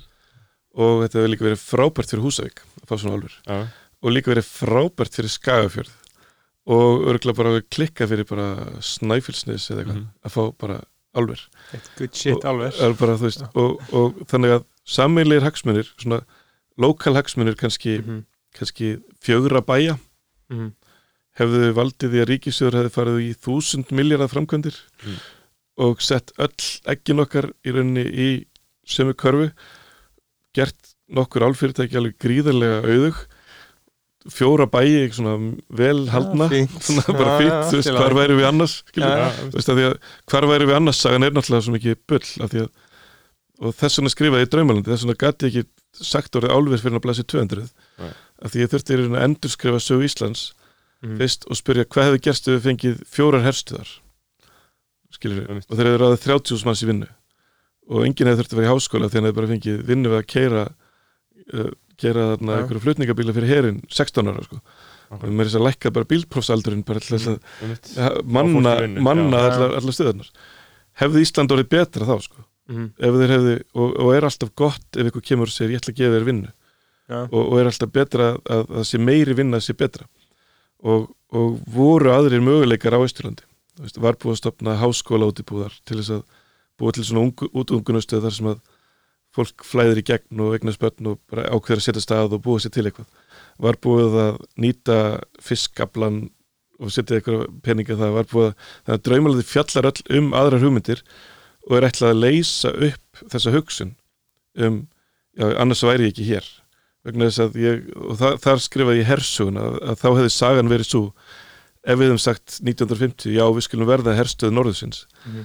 við verðum að fá hérna 30.000 störf. Mhm. þá hefði Ísland örugglega orðið fátakara minna mentað uh, alls konar frumkvöðuleginleikar hefði ekki verið ræktaðir og við hefum síðan farið í algjört hrun við fall Sovjetiríkjana við hefum bara verið strauð algjörlega. Já, bara svipa Puerto, Rico. Já, ég sé það, já, já, þannig, að- þannig, að- þannig, að- þannig að það hefði verið örgulega frábært fyrir Reyðfjörð, frábært fyrir Húsavík frábært fyrir hérna og svo gerist eitthvað í álmarkaðanum og það bara, ok, við erum búin að fornaði bara allir hálendinu og sjálfsverðing okkar og, og, og nú er bara nýlendi herran okkar bara farin og, og hvað er við að gera? En svo erum við með svo, svo, svo líka svo aðtilsættís að ég er auðvitað veist, ég er bara svona einhvern veginn eins og segið, ég var bara bann þegar ég var að, skjóta með byssu í átta kárunhjögum ég er innrættur já. aðrir eru öðruvísi innrættir já. þeir eru með fólk sem, fóreldrar sem vinna í engagerunum og trúa á uh, þessa hugmyndafræði sem er hérna þurfu störf, tekjur uh, það er gott fyrir samfélag, þú veist þetta, þetta alltaf Já. áfram áfram sko. það er alltaf önnur skilring skilur Já, en síðan er síðan stærra levelið síðan sem er, og þá sko einmitt, þá vorum við sent í þessar röggræður sko, ég meina, þú spyrir hvað er breyst síðan draumulandi var, þá gætt Mhm. fólk sagt, já, bara ferðamenn í staðin eða eitthvað, veist, eða, eða eitthvað þess að það þurft alltaf einhver svona efnahagslegu rök á móti en við erum bara komin í það núna að eiginlega öll kerfin okkar eru röng sko.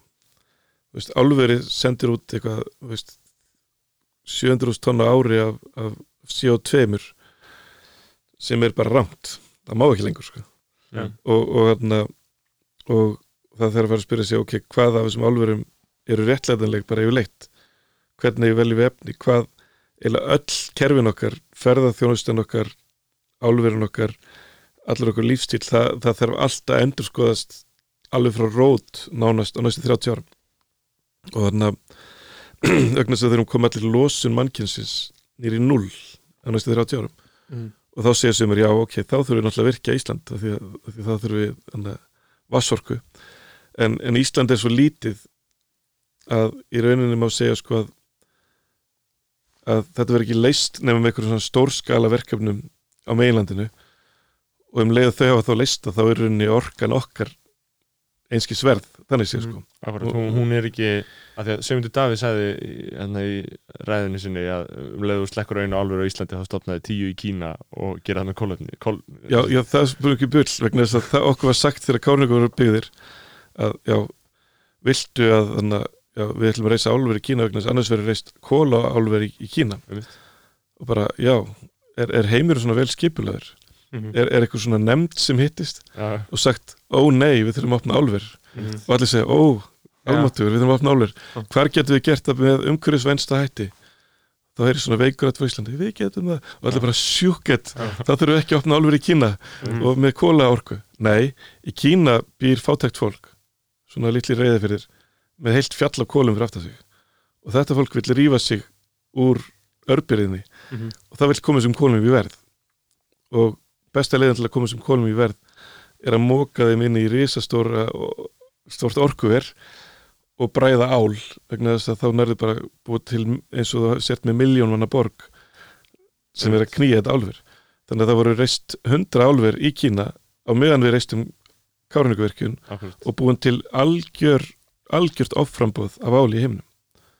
Og, þarna, og það er staðið núna sko, þess vegna er ríktir í, í Rio Tinto og ríktir í, í öllum þessu álverum og þeir eru núna að reyna að endur semja við við álfyrirtækin, nei við orkufyrirtækin. Og það er aftur vandamál er að það rugglu við saman störfum og auðlind. Þú veist, ég myndum okkur ef það veri ekkert starf í álverinu þá myndum við sjá það miklu skýrar að aðalverðmættin eru hvort seljum við orkun á 30 miljardar ári eða 20 miljardar ári eða 10 miljardar ári einmitt. Já. en eða með 400 störf og það og býr til allt aðra umræðu það býr til alltaf fólk. umræð þannig, þannig að við erum til að kannski að forna hagsmunum landsvirkina Já. upp á kannski 5 miljardar ári eða eitthvað til þess að uh, hópur verkamanna fái 200 skalli meira á mánuði þannig að við erum, við erum til í að forna gríðarlegum þjóðarhagsmunum vegna þess að allt í hennu vera þetta vera þessir hagsmunir að hagsmunum sem vera að samferða samninga viðræðum álfyrirtækisins skakvart þjóðin Mhm. og við erum þá til að lúffa þar segja, segja að landsvirkina lækka verðið gegn því að tíu manns missi ekki vinnuna Akkurat. en í raunin er betra fyrir þjóðin að tíu manns missi vinnuna og, hérna, og landsvirkin fá velmjölan pening fái þá þennan miljard sem það getur notað það til þess að borga hjúkunarfólki eða, eða, eða hvað sem er sko. Þetta- þetta er rísavassi Já. viðfarsætni sko. en, ég er, en sko, ég, mér mér langar aðalega að vita sko, bara því að álver er svona smá afstætt fyrir mér þú veist, ég skil að þetta er ristort hús og þau nota orku til þess að búa til ál úr einhverju öðru efni Já. en hvert fer þetta ál síðan og í hvað er það notað og af hverju er þetta svona mikilvægt? Er þetta bara dósir? Eða þú veist, Sko, hvað, hvað er þetta? ál er náttúrulega bara notað þú veist, bara alls það sem segull festist ekki við málm, það er líklegast ál Mm. ál er alveg gríðarlega orku fyrir málmur, mjög léttur Mm.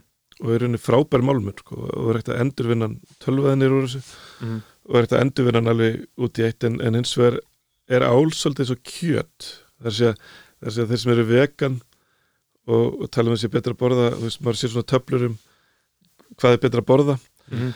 að þá, þá er sko nautakjöt með, þú veist, eins og 20 falt í losun á við þú veist, einhverjar, eins og linsubönir eða, eða, eða, eða kjúklingakjötið eitthvað Já. þannig að í raunir ál það þarf 30 sinni meiri raforku til að búa til 1 tónu áli heldur en 1 tónu stáli mm. en álíka mikið losun sem fer já, já. úr því sko. þannig, að, þannig að ál ætti eiginlega bara vera notað í svona mjög, á mjög selektífan hátt þar sem þú ert virkilega að gera léttari faratæki Mhm. þú ert að búa til flugvelar eða þú ert að búa til jábreytalestir eða eitthvað svona sem að þar sem að á líftímanum sparast orka en annars ættir þú bara að velja timbur eða, eða, eða Þannig að samkvæmt, Mm. samkvæmt þessu þá ætti maður að skilur eins og fólk gerir, þú veist, ég verið með, verið með bara einhverjum svona vegan vinkonum út í bónus og það, ef ég kaupi plastpoka þá er það bara, heyru. Ekki kaupa hann haldur frekar á öllum nýju vörunum inn í fanginu, skilur þú veist, maður ætti að gera það með við fólk þegar það er með eitthvað drastlur áli. Dós Já, sko, eða- málið er það mikilvægt að endurvinna það af því að það þarf bara 5% orkunir í endurvinnsluna. Mhm. en til dæmis í Ameríku þar er endurvinnsla í algjörum mólum við skvar og þeir henda áli á hverju ári sem jafnast á við fjórfaldan flugflota Ameríku bara í dósum. Þannig að bara, bara fram að jólum núna Mm. munu þeir hafa hent jafnmiklum dósum Mm. eins og allar flugvelar í Ameríku sem er þetta bara störlin Hver, hvert fara þessi dósir? bara Já. bara, bara, land, landfylls bara, bara, bara hana, í hana, landfyllingar og, og það er náttúrulega kerfi sem er svo siðfjörlega rámt Mhm. gagvart jörðinni og ákominum okkar mm. að þetta er bara að það verða náttúrulega helfarar orð um þetta sko, Mm. í framtíðinni og líklegast verða náttúrulega verða þetta námur framtíðarinnar að, að sækja þetta ráefni bara aftur sem var hent á 2000-söldinni sko. eins, eins og hægt er að Mhm. flok, endurflokka þetta og búa til ykkur, ykkur, ykkur versmiður en, en hins vegar rökin hérna heima voru já við erum að nota hrein orku en í rauninni vorum við auðvelda ykkurum að sóa málmi með því að gera hann ódýrari Mhm. með því að stuðlað meira frambúð á honum meiri notkun á honum og, og og þannig að nei, og, og þannig að þú veist þannig að þetta er bara, þú veist, eða þínum að því ef þú metur, eða síma hringja einhvers staðar, já. Um, ef ef þú metur ef þú metur þetta bara, þú veist, eins og þú þetta blas við þér, er, er bara að, að gera þetta að búa til álver, er það bara alveg fáránlega pæling, bara, þú veist. Nei, í sjálfu sér ekki sko, það er bara ef við fyrir alveg í rótina þá er bara öll okkur tilvist Já, og allt allt, sem við og allt okkar. Og, og vissulega má segja kannski þú veist 1960 eitthvað hafi verið þú veist, jú það er ég meni við ætlum að vera vestræn þjóð og við ætlum að taka þátt í hérna veist, og ef þetta er góður business eða eitthvað þá bara, jú bara tökum þátt í þessu. Mm. Þetta er hann erfið riðnar, hann er að sækja ráefni sitt í Brasilíu, Vietnam, Guyana, Mhm. þannig, í svona Jamaica og ég notaði Jamaica í draumalandinu sem þjóð sem var háð því að móka upp yfirborði eigarinnar sem þetta lokum í rauninni rústa eiginni Mhm. en þau gátt ekki hætt. Og en vandinn það sem ég var að glíma við í draumalandinu eins og segjum bara sem svo að það hafi bara verið eitt álver hérna. Og þá hefði ég ekkert verið eitthvað að atast í því sko, eða hafa áhuga á því eða, eða jú, kannski hefði ég eftir áhuga á því en, eða, eða verið eitthvað svona aktivisti um það vandinn var að vírusin sem að Mhm. gekk í kringu landi var hverju einasti bæir á landinu vildi fá álver og hvert einasta vassfall á landinu bókstælega var í hættu Mm. og, og það bara það var bara algjör dystopía að, að, að fjórir hamingjusami bæir sem að, sem að stækkuðu sig úr 600 í 1000 og þurfti kannski aldrei að horfast í augu við hvað gerði við rámt eða hvað þurfti aldrei að endurskoða sig valdakerfi í bænum þarna eh, var fólk velkomið misti fólk frá sér kvótan þú veist, Mhm. bara, þú veist, þurfti ekki að horfast í augu við sín eigin mistök eða þá, eða þá í rauninni horfast í augu við bara kerfið okkar á landsvísu sem að var kannski ekki að hyggla þessum bæjum nægilega vel eða fóstra þá eða þá nýjar hugmyndir áttu ekki aðgang að bænum Mhm. Og voru ekki, ekki velkomnar menn þurfti ekki að fara í neina svona endurskoðun heldur ætlaði annar hver bær á Íslandi að fá sér álver. Það var beinlinist þannig.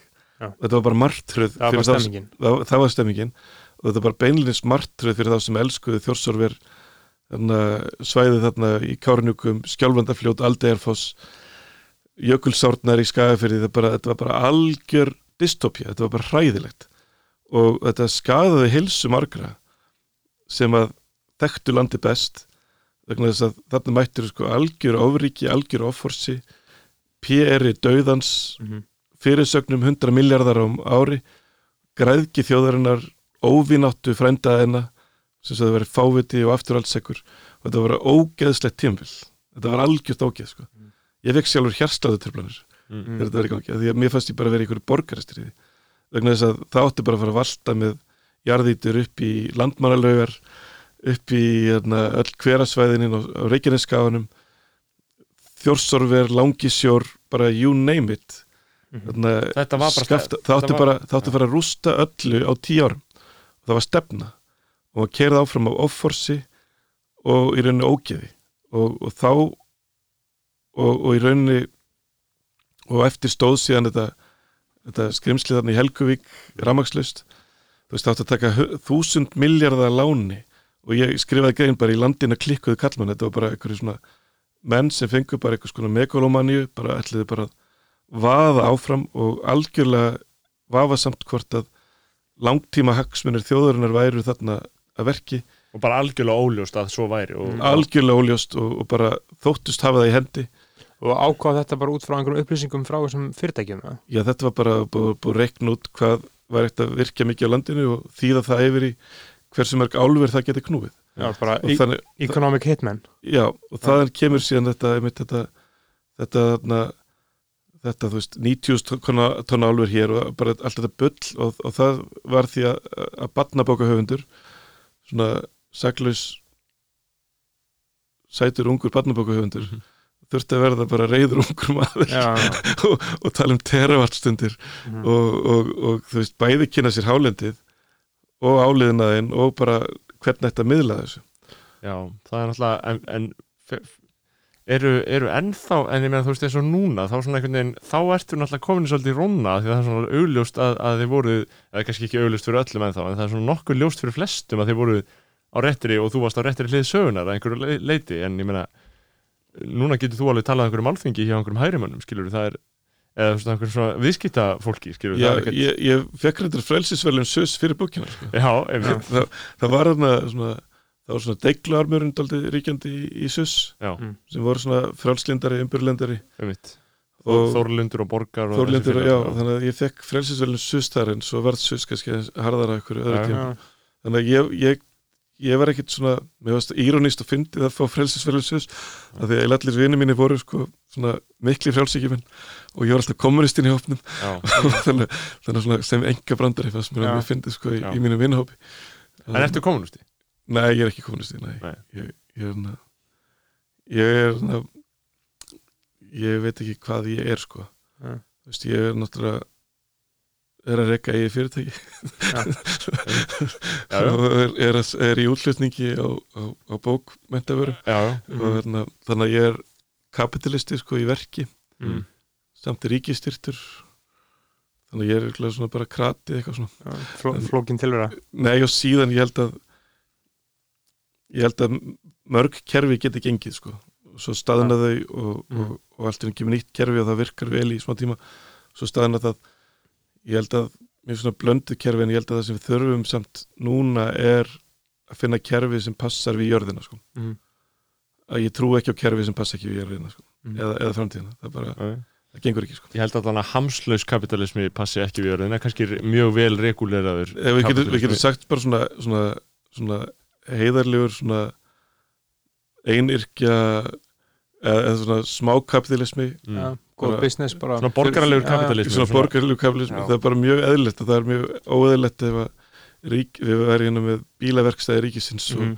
og, og, þú veist, og, Mm. og bókmenta skrifstofu ríkisins Akkurat skilir það sem að við setjum svona eins og ykkur svona skrifstofu álmi og að skrifa Mhm. bækur að, að sko element kapitalismans element frumkvæðisins uh, element ósynlegu handarinnar eru alveg mörg hver fín þarna sko. Mhm. en hins vegar þarf regluverk og það þarf vísindi og það þarf stýringu og svo þarf að grípa inn í hugsanlega og útdeila Mhm. aftur gæðum og, og slíku sko. Já. Veitu, við, við eigum að vera með ríki, við eigum ekki að vera með bókmyndaskristan við eigum satt að vera með árnastofnun við hefum satt að vera með árnastofnun og við hefum að vera með sko, já, en, en það er ekki en, en þar eru við í rauninni outsourcaðir sko. það er bara ákveðið að ákveðið margir rittöfundar sé að skrifa en við erum ekki ráðnir inn okkur skrifstof og sagt hvað við erum að skrifa sko. mm. og síðan erum við á frjálsum markað að selja okkar bækur Já. og þarna með algjör frumkvæði eins og við viljum þar hvort við viljum lesa upp eða ekki sko.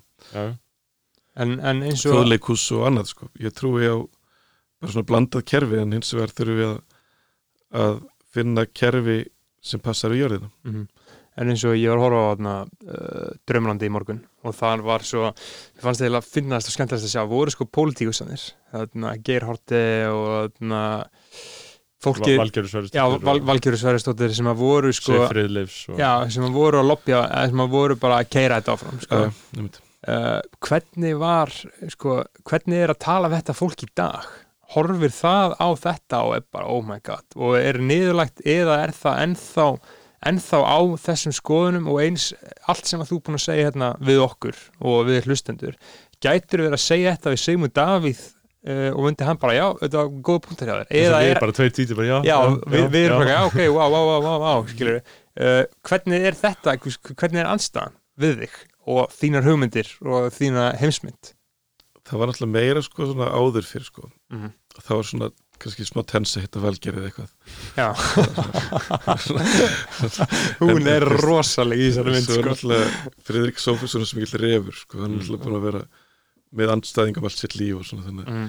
og ég er mjög dagfarsprúður sko, ég er mjög sjaldan sem ég eitthvað svona æsi mig við fólk ég, ég kann eiginlega vel við eiginlega alla svona, þú veist svona höfuð óvinnurinn þannig að Jakob Björnsson sem var orkumálustjóri sem, að, Mm. Sem kannski bjóð til dálítið þetta plan sko um að, um að þarna svo kynntist ég honum og ég sá fyrir mig eitthvað svona hræðilan mann sko, svo Mm. kynntist ég honum og það var skemmtileg kall bara ég gaf all afa og, og svona þú veist bara örgulega ágætur afi líka sko Mm. og þarna og ég kann yfirleitt mjög vel við fólk sko Mm. en, en ef fólk lígur að mér svona eins og ég var að segja með verkfræðingin Já. það bara, heyrði, þú ert ekki vinnu minn sko Mhm. þú ert, og núna verð ég að Mm. Já, le, leifa að heyra það sko en, akkurat. en ég kann mjög vel við fólk ég þekki, eins og segi, ég þekki starfsfólk í álverum yfir mér í álverum, ég fekk símtöl líka úr álverunum þar sem fólk var að segja mér að, að veist, það væri svo mikið bull í gangi sko, Mm. hjá pólitíkinni og við erum ekkert alveg svona svart og hvít sko, þannig að flestir vinur mínir eru síðan einmitt voru í mentaskóla eða háskóla voru susarar Mm. og þar fekk ég svona fekk ég svona hagfræði 101 daldið svona, svona í raukræðanum ég kann eiginlega vel við lang flesta sem ég hitti á þessar leið sko. Mm. og þarna, ég veit ekki hvort það sé gagkvæmt sko. og og svona getilega talað við allt fólk yfirleitt og það var svona helst sko að lenda í hérna, í raukræðu eitthvað, þú veist, í kastljósi við orkumálastjóra eða eitthvað, sem að mér finnst ég bara að lenda í einhverju svartóli Já, já. Hljómar- hljómar hljómar er svo gott þetta er eins og ég horfði á ég horfði á Gunnhildi Fríðu stjórnarskrár þarna, já, konu Já. Mæta í uh, viðtal með henni Heiðrunu Lind já, já, já, Veistu, ég Sjá, hugsaði- sjáur sjár, talsmanni, talsmanni fyrirtækja í Já. sjárúti og ég Ái. bara þetta er svo martra Já. kent situasjón sko Ég fæ illt í líka að Heiðrún Lind er svo þjálfuð já, já, já, já. í raugun, hún er svo þjálfuð mm. þá var bara, já, það var ekki til neginn verðmæti en þá, þá var ekki, þú veist, það var bara, þú veist, það bara ekki hægt að hjóla í þetta, sko það var það sem ég lendi í svona í fyrstu viðtölum sko. og eiginlega grunin að því að draumalandi var til sko. var ég lendi í ykkur viðtali og bara já, gæsir eru svo fallegar og þjórsóverur, það er indislegt og bara, já, við þurfum hagvöxt og störf Já. til að skrifa bækur eins og þú gerir. Skilur, já, og þá var maður eitthvað, og, og, og þá bara fannst maður maður hafa bara glatað bara brugðist til í landsvæði með því að vera í vittlusri skirtu með því að vera með úfið hár eða, eða með því að stagla eða komið illa fyrir. Og, og, en, en svona almennt séð þá þá hefur alveg fólk líka komið til mín sko, sem var inn í þessu og sagt bara þú hafði rétt fyrir þér sko. Mhm. Mm. og, og þarna, þetta var algjört rugl sko. Já. og, og ég er fegin að þetta var ekki veruleika eða eitthvað og, og ég man að eina skipti sem ég sem hef svona byrst mig við eitthvað svona almennafæri var þegar ég hitti held ég Gilva Arnbjörnsson hjá ASI Mm. í leifstöð klukka 7 á mótni þar sem hann var að drekka kaffi sitt að leiðin til útlanda og, og þá var eitthvað búið að setja einhver svona samninga að álverið í Helguvík veri forsenda einhvers og, og þá var ég búin að rekna út það þurfti bara heila kárinnuguvirkjun af söðu vesturhóttinu til að fóðra þetta skrimsli sko. Mm. og það var bara öll þjórsá og öll háetasvæðin og allt og, og, ég, og ég bara gekk til hans og segi bara það ég er bara ógeðslega ósáttu við þig Mm. þú ert að vinna alveg hræðilega vinnu þú ert að vinna fyrir hörmulegan málstað og bara ég vildi bara segja þér þetta auglítið til auglítið segna þess að ég geti skrifað greinum þetta en ég vildi bara viss, vissir þetta bara beint frá mér að þú ert að vinna hræðilegt starf og, og þetta er ömulur málstæðar og þetta er ekki gott fyrir alþýðuna eða verkafólkið okkur til langstíma að skuldsetja landsvirkjun fyrir eitthvað ennan álverið og bara, já, og takk fyrir An, annars, Hvað hann? hvernig brást það við? Ég manna það ekki bara að segja já, takk fyrir eða eitthvað, þú veist, en bara en ég sé það, þetta er kannski eitt að fáum skiptin það sem bara svona Mm. virkilega verð bara að segja bara, ég bara, ég bara virkilega ekki ánaður með það sem þú ert að gera. Einmitt. og svo hef ég ringt í fólk líka og hann og sagt hættu í vinnunni. Núna bara, núna ertu þarna og bara, eða ég hef hitt fólk og segir, hæ, ég ert ekki hress og segir, nei.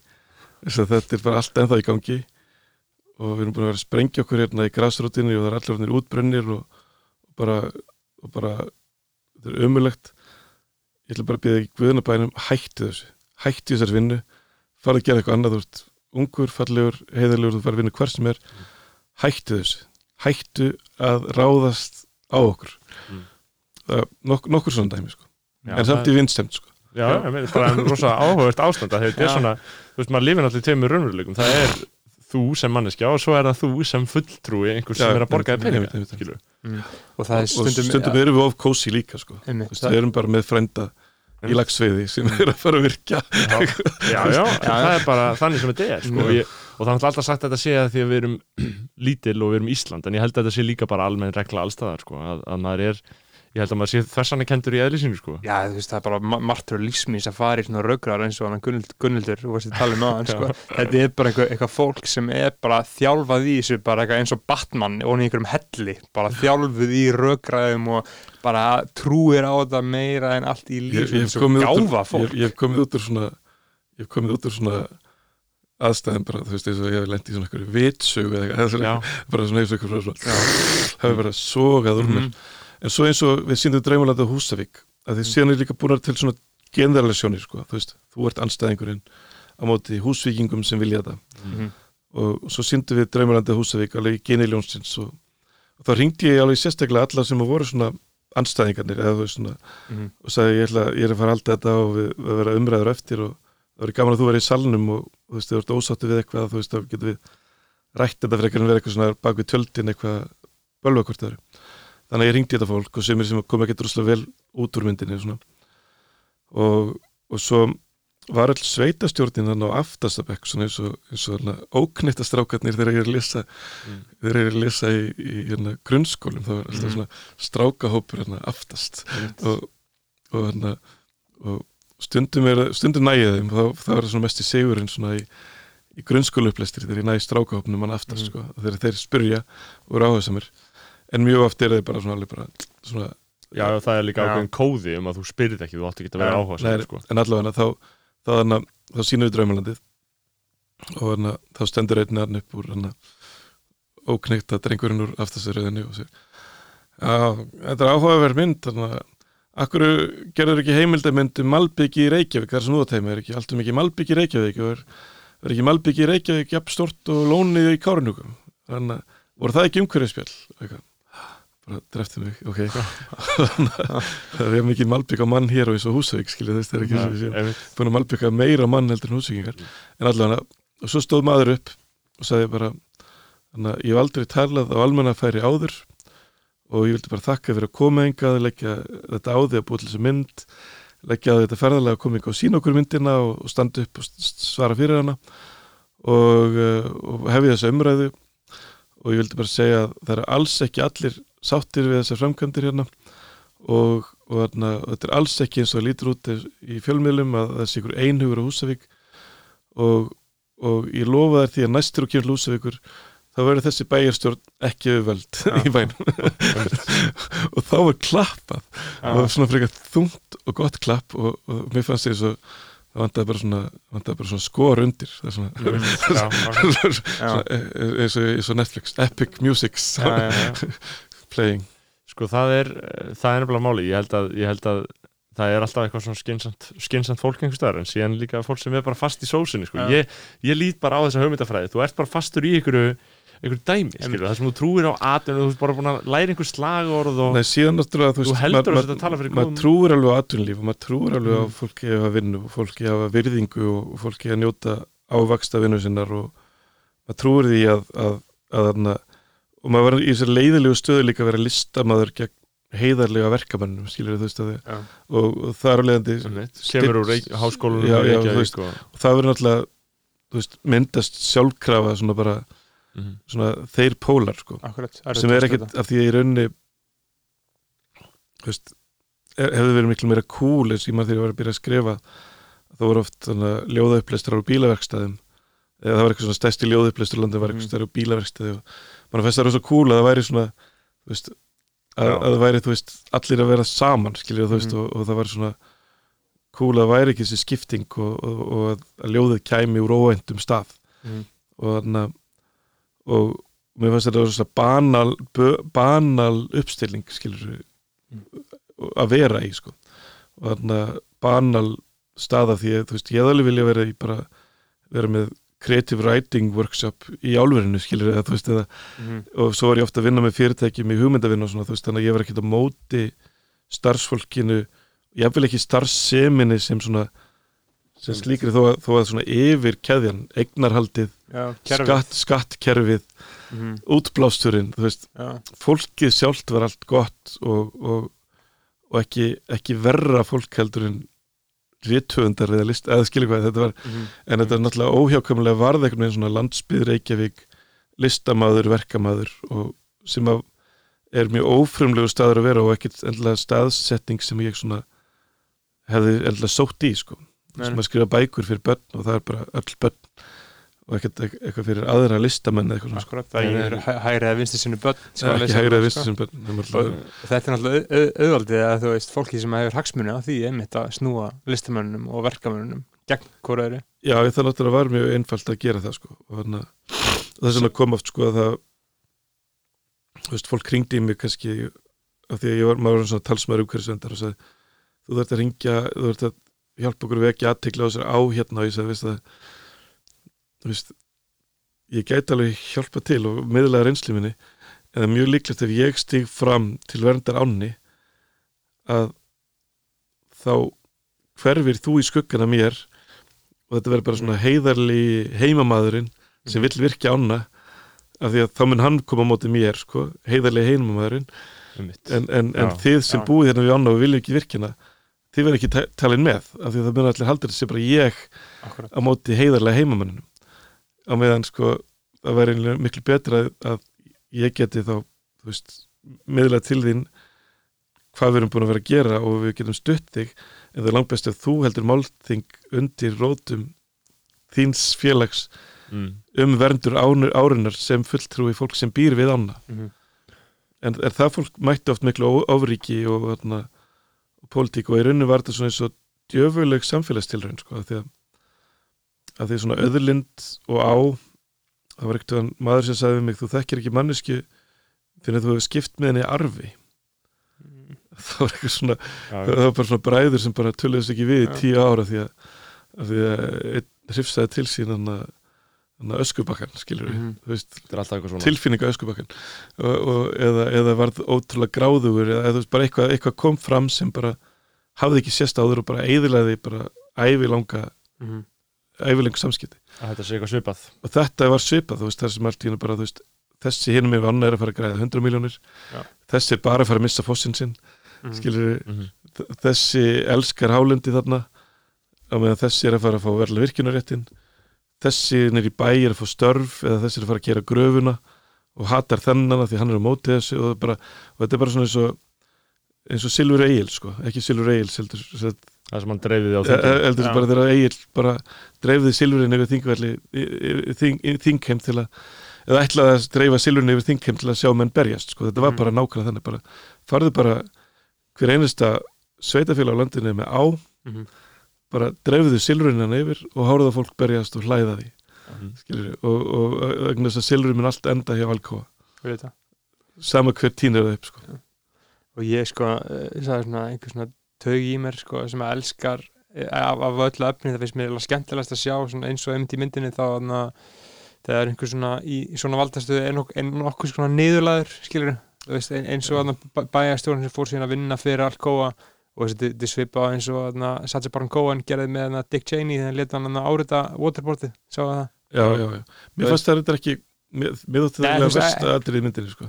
ég, ég átti erfiðast með það Aha. atrið, sko. af hverju? að því bara Guðmundi Bjarnason var bara vætt maður held ég sko að samkvæmt öllum sem þekktan Mhm. og vandin var bara að það var fullt af svona vænum mönnum mm sem voru að opna allar dyr fyrir Alcoa út um all land þú veist hvort sem það var þá Húsavík líka eða, eða alls Mhm. þar hann var tekið og- já eða hvað? nei sko bara þá, þá tökum við viðtal við hann þar sem hann var bæjarstjóri undir þetta samningin mhm. og er síðan orðin starfsmæður og það, og bara Já. var, það síndi bara þarna þú veist, þessi nánu tengsl og hvernig fyrirtæki í rauninni gleipir bara Já. þú veist, Já, auðvitað gleipir bara samfélagi sko.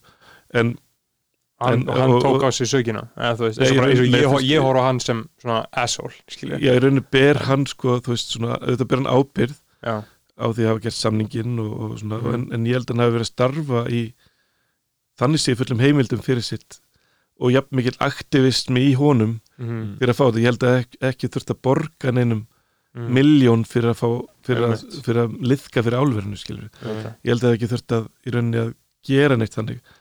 En, en struktúrin er samt þannig þegar svona risa fyrirtæki kemur inn Mhm, þá byrjar ráði að, að ráða besta lögfræðingin í bænum vegna þess þess að hann er alltaf virtastur í bænum hann er í Rotary klubnum hann er vinur allra í fótboltarum þannig að um leiður búin að ráða hann í svona smá, smá vinnu fyrir þig þú veist, það er bara það, bara þessi fyrirtæki eru sérfræðingar í því að koma sér fyrir og nota síðan einmitt þúsund manns til þess að lækka skattara sína mhm, lækka öll, öll, bara öll gjöld, allt saman bara, þetta, er bara, þetta, er bara, þetta er bara skák sem er spiluð trekk í trekk út um allan heim aftur og aftur en, en mér fannst ég, af öllu sem ég gert þá fannst mér þetta eiginlega erfiðast af öllu að, einmitt, að hafa niðurlægt eitthvað sko. að mér finnst ekkert gaman að niðurlæga fólk og, og vil helst forðast það ef ég kemst hjá því sko. Mm. mhm, þannig að, En þá nennir Beggi og ég ekki get að alveg trúa alveg trúa að fjölskylda hans já, finnst ég vera bara, all, bara mesti Já. fáti bara af öllum og mun aldrei fyrir kemur sko. einmitt. og, og það er ekkert svona eitthvað, eitthvað sem ég sækist eftir. Nei, Nei, auð- nei, auð- auð- auðvitað ekki sko. Að þetta er svo ro- rosalega fjarlægt mér skilur en, en, en eins og er þú veist þannig að og hann er í rauninni ekki svona þú veist það er náttúrulega líkil púsl í heildamindinni sko. Mhm, en í rauninni er þeir sem grættu og fóru með peningin skilur mhm, þeir sem fengu innleistar þú veist, hundru miljóna fyrir að ná samningnum og allt þetta sko. Það, það fólk er allt saman bara annars staðar sko. Já, það er á grænni grein sko. Um, Við vorum að tala um, vorum að tala um reyða fyrir þann og að ég var þarna um, í mínum ágættu erindakjörum og við ætlum náttúrulega líka eitthvað að ræða þessi, þessi ágættu þarna, íslensku handrita við skrifum alltaf líka um þau, þau í bókinu þinni. já, uh, ég, ég, með minnir jafnvel að hann byrja á einhvers konar einmitt frásagnaði sko, já, það var einmitt mjög áhugavert. Ég var, eins og ég segi, ég var að skoða þessa bók. Ég var að lesa bókinu hennu og þú varst að lýsa þið fyrir því þú fórst með Gísla Sigur sinni uh, nýri handrættakemsli einmitt, einmitt og ég hafði ekki lesið þessa bók bara fyrir núnum daginn af því ég bara tafist svo mikið. Já. og ég var að lesa þetta og ég var bara þetta, þú veist, bara nákvæmlega Já. þetta, gerðist um mig í sumar. Það. Er bara, bara, var bara, svona, bara skref fyrir skref lýsing á því hvernig þið fór, fórst með Gísla. Gísli opnaði handrættahörðina þið fóruð inn í handrættakenslu eh, skoðu ykkur aðeins um, síðan rétti hann þér einhverja lilla bók og sagði eitthvað svona, veistu hvað þetta er eitthvað svona, og þetta er konusbók eitthvað hvað. Og síðan opnaði maður og það var þú veist þessi punktur sól til svartna Fóldimar já, og þetta var bara, þú veist, þetta var nákvæmlega það sem, þú veist, það er greiðlega gíslir að púla þetta saman shit aftur aftur, sko. Þannig að hann, hann er að endurtaka sig, sko en, en það var svo magnað list að þetta var bara alveg það sem ég lendi í núna í sumar þegar ég var að byrja að vinna á, á Orðansson, sko. Já. þetta, þetta var bara nákvæmlega sko þegar ég svo myndin af þér Mm. þar sem þú varst að fara með handrið í kringu landið Mm. 23 ára að, þetta var bara ég Einmitt. fyrir 25 árum síðan sko. og ég hugsa bara, ég fikk bara svona, Mm. svona föðurtilfinningu já, já, ég sá mamma eins að ég fikk fyrir móðutilfinningu já, en, en ég átti sko held ég þátt í því í rauninni þetta verkefni varða veruleika sem þú varst að gera í sumar sko. að við lögðum meðlega grunninn að því þá einmitt. þetta var 98 eða 97 og þá hafði ég verið í íslensku háskólanum og hafði aldrei komið inn í átnastofnun einmitt. Og aldrei snert á handriti. Og aldrei hlusta á rýmur og mér fannst þetta svo skrítið, þetta var svona það var komið svona smá í mig þannig að þú mátt bara eiga þér heldur stjakk sko, það var fyrst það sem er svo þeir vildi ekkert með mig hafa sko. Og, og ég hugsaði bara að mér fannst það svo mikil synd að meira þess að við sem færum gegnum íslenskuna kynntumst ekki handritarfinu. Þetta er ennþá svona, sko ég, ég fór í gegnum allt í íslensku námi og ég sá aldrei handrið, sko. Það sást aldrei nei, til þess aldrei skrítið og, og þá var handrita sýning og, og svo gerði ég gerði við svona er rauninni svona menningararfurinn í nútímanum einhverja skýrslu um einmitt sko farandsýningu fyrir handritin til grunnskóla barna að þau geta fengið að prófa að rífa kálskinn eða þú veist, ekki, náttúrulega ekki gamalt sko en þetta er, ég tók svona kálskinn sem var nýverkað sko það er ennþá hægt að það til og ég síndi vinnum mínum að ég sagði að þetta er nýteganda pappir, þetta er ótrúlega sko bara já, bara, þetta er bara órífanlegu pappir og bara, shit maður bara, hann var að reyna að rífa þetta bara "Ey, ég er ekki sjans að rífa þetta, vá, Mm. hvað að NASA bjóði til sig sagði, hvað, hvað er þetta efni? Polykera pílamid og það sagði, í alvörinni og hvað var að fara að gera bækur og svo bara, já, kannski, eitthvað og, svo sagði, nei, þetta er rugglega þetta er kálskinn, þetta er bara þetta er ástæða fyrir handritin af ennst í þúsund ár bara þetta er, þetta er bara klikkað efni sko. Mhm. já, já. Vi, við erum að fara út um alland með, með kálfskinn, sko er þið með alveg handrit? Með- við erum ekki með alveg Við erum en, með- en við erum með kálfskinn, sko og svo erum við með eftirlíkingar af svona stórum handritum, sko, flatebók og Já. maurallabók og eitthvað um, og, mér fannst þetta svo mikilvægt að kynnast því sko, börn geta kyn- þú veist bara, það er svo mikilvægt að þessi vírus að, að viðhalda íslenskunni og, og, og menningararfinum sko sé smitar alveg með milli kynsla sko, það er ekki sem Mm. eitthvað sem útilokar aðra heldur bara í rauninni bara sem svona hrein löngun til að rekta og kynnast og, og, já, já. og, og tengjast þessari menningu sko. en þú veist, er ekki, er ekki algjört hrun í þessu það hefur engin áhuga af okkar okkar kynslu, ég meina það ég meina það, það bara það fannst mér ekki vera veist, það er hlutverk okkar Mhm. að, að kynna þetta og búa til náhuga þannig að og þá skrifaði ég um þetta að, þarna, þú veist, að það að fara í árnastofnun í nýjára bekk og svo í tólóra bekk og svo í mentaskóla mm. þú veist, á bara, á bara að vera hluti af bara rúlinu. Og þó sé bara einn af þúsund sem fer áhuga og endar sem doktor, við þurfum ekkert fleiri til að þú veist, Mhm. bera en, keppli en sko, svona einhverju stjörnu sæfara akkurat handritana sko. En ég, ég, ég, ég, þú veist, ég við, við, við erum bara að hitta fullt af bönnur og fara örugglega í svona 20 skóla, bæða vestförðum og síðan Östurlandi Já. og uh, tölum við krakka í svona hálftíma 40 mínútur um svona bara þessa pælingu sem hvað þetta er nákvæmlega þessi handrit og hver árni var og hvað hann var að gera og, og hvað þetta var allt skrítið og svona og síðan lefum við um að lesa Já. og það er bara mjög oft sem það hefur gerst Já. að börn eru bara, það eru bara einhverjir einhver börn sem eru bara, oh my god þetta er bara, þetta er að klikka sem við hafa séð þau hafa ekkert lært um þetta áður Nei. Þau eru að spyrja bara, get ég, get ég fæ ég að lesa svona handrit, getur þú kent mér að lesa svona handrit? Bara hvar get ég lesa svona handrit, er eitthvað neð eh, hvar get ég, þú veist, með nokkuð svo eh, kannt þú að lesa þetta hérna, þú veist og byrja bara, vil ekki, þú veist, og bara má ég vera lengur? Bara skólinn er búinn, bara við vera lengur Já, veist, bara, við, þú veist, þetta er, það þarf bara, þú veist, þetta Já. skilur Já. og þetta bara, maður sé bara, wow, bara ég man bara eftirminnilegt bara á tálnafyrði, ég var bara með bekk á tálnafyrði Já. og þau voru bara brjáluð, bara tí- tíma búin Já. og þau voru bara bara, getum við fengið að, að lesa þessi handrit, ekki fara Ég ég veist, og þannig að það, það, það þarf bara að gera þetta Já. Já. og þá hefur það þessi áhrif sko. það er gaman að heyra þetta því að þetta er nákvæmlega það sem ég var að segja sko.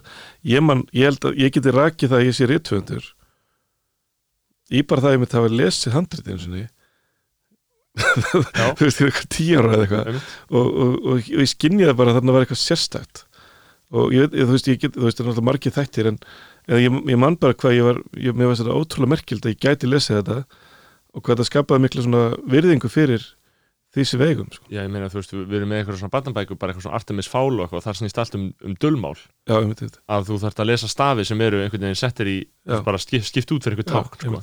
og þá bara all, aðal sporti, mann bara þegar krakki var aðal sporti bara að, að ráða í dulmálið, sko. Þannig að þetta, þetta er alveg sama sport, sko, í raun og veru Mm. og, og mér langaði líka sko, það, síðan tók ég rýmna arfin sko, og að því hann var alveg óaðgengilegur og við gerum geisladisk sem að heitir Rattir með, með Rósu Þorstinsdóttur og það var líka það sama það var eiginlega bara til sko, svona, svona írsk áhrif af þjóðlegum svona með gítarum og svona flautum og fyrir ferðamenn. En það var ekki til sko bara hráa formi, bara, bara kvæðamaður bara brandinn, góma, brassönglið brúði. Og, og, og ég hafði aldrei farið gegnum, ég hafði farið gegnum allt, alla íslenskuna, ég hafði ekki hlustað á heila rímu kveðna eða, eða ekki svona brot af rímu. Nei. og það var alveg hugmynd sem ég reyndar ekki að þá komið framkvæmd ég gerði einu svona leikrit upp úr Úlfhams sögu mm. og Úlfhams ríma er til og hún er bara fjóra rímur þannig að hún er frekar einföld Mm. og frekar auðskilinleg en hún er með öllum svona öllu dulmálinu þar sé að heitunum og kenningunum og öllu þessu og, og, og þar væri hún nekt að lesa stuttasögu um mann sem breytist í úlf. Lesa þetta Te- tekur hamskiptum. drottningu sem að þarna gyrnist svon sinn, leggur álega á mann sinn, hann skulle breytast í úlf. Og eitthvað, er eitthvað svona íslensk hamletsaga, varúlvar og, og, og móður gyrnd og, og svona alls konar vesinn og þar, það er svona flott saga, hún er bara svona fjóra-fimm blaðsíður. Og síðan gætur hlusta á alla rímuna hverðina þannig að þú fengir sko, jáfnvel og það að lei, leiða því gegnum dölumálið Mm. Bara, já, bara, já. bara leysa út heitun og kenningar en þá skildir í rauninni svona hvað er á ferðinni þannig að þú gætir í rauninni leðsöguna og skilið í rauninni hvað Ísland gekk út á í 600 ár Mm. með svona frekar einföldum hætti að þú getur hlustað á lesið Úlfhamsögu hlustað á Úlfhams ríma sem er ekki náttúrulega klukkutími bara og farið í gegnum textan Einmitt. og þá bara skilur hvernig saga breyttist í rímu og var síðan flutt Já, ég, held að, ég held að það sé ekkit endilega almenn vittneskja með bara teimins lustundu okkar hvað rímundna voru, skilur að þetta var bara, þú varst með eitthvað sögu Já. sem kannski allir þekktu eða ekki allir þekktu annarkvort bara hvort var Íslandika saga eða hvernig sem bara einhver saga, bara Já. einhver saga og síðan bara settist einhver niður og skrifaði svona rímu sem er í dag ekkit endilega einhvern veginn aðgengilegasta formið m- mjög óaðgengilegt í raun og veru Í rauninu var þetta að vera að skala upp sögu sko. Þetta er svona svipað á ykkur, ykkur kaupi kvikmyndir eitt í dag Mm. Adaptation. svona adaptation Mm. sko, já, þannig að það tókst bara jafnvel ykkur íslendingasögu eða oft svona ykkur fornaldasögur og skalaði þær upp í rýmu sko. þetta var bara spurningin var, spurning dagsins var akkur ef ekki við þetta eins og við tölum um skilu, akkur ef ekki bíómyndir um njálu eða svona fólk eða, sem er alltaf galið sko. En þetta var náttúrulega vinsælasta listform á Íslandi í 600 ár Já. það er og, magnað og mér fannst ég vera sveikin af ykkur samingi Mhm. að hafa ekki sko og svo skildi maður margt betur þannig að eins og, eins og Jón úr Vör sem var eiginlega fyrst í mótinistinn mm.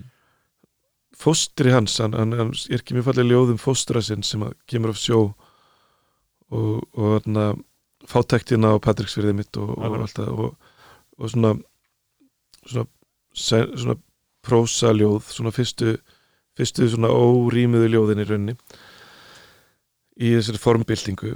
En fóstri hans er á disknum hjá mér Þórður Guðbjörnsson þannig að þá skildi maður svo vel bara hann bara, bara með báðar fætur bara í 17. aldinni Já, en sonur hann, eða fóstursonur hans var mótinisti og, og það, það lýsir Íslandi svo ótrúlega vel bara from turf house to Bauhaus sko. það, það er sem sagt Já. að fólk flutti úr torfkofum í norðurmýruna beint í Akkurat. skilur, beint í funkishús Mhm. við sleftum bara 600 árum af þróun þannig af, af einhverjum Þannig- borgarlegu dæmi Já, sem bara, veist, þannig, þannig að í stæðin fyrir að vera búin að fara í gegnum romantíkina og allt þetta sko, það bara það, bara, það, var, það, var, það var Jónur Vör bara, bara alin upp með bara kvæðahefð Akkurat, og, og, í beinni bara leggarlegg bara, Mhm. bara, bara be- beinan legg kvæðamanna og, og verður síðan mótinisti sem að eyðileggur eða sagt að hafa eyðilegt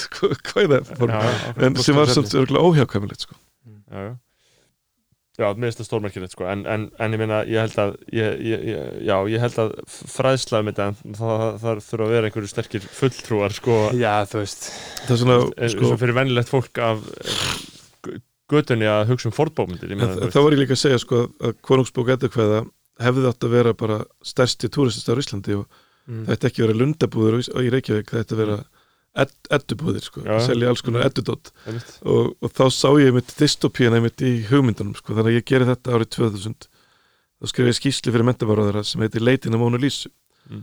og ég er að spyrja mig hvert er merkilegsta mannana verk á Íslandi og það getur verið, þú veist, er það Hallgrímskirkja?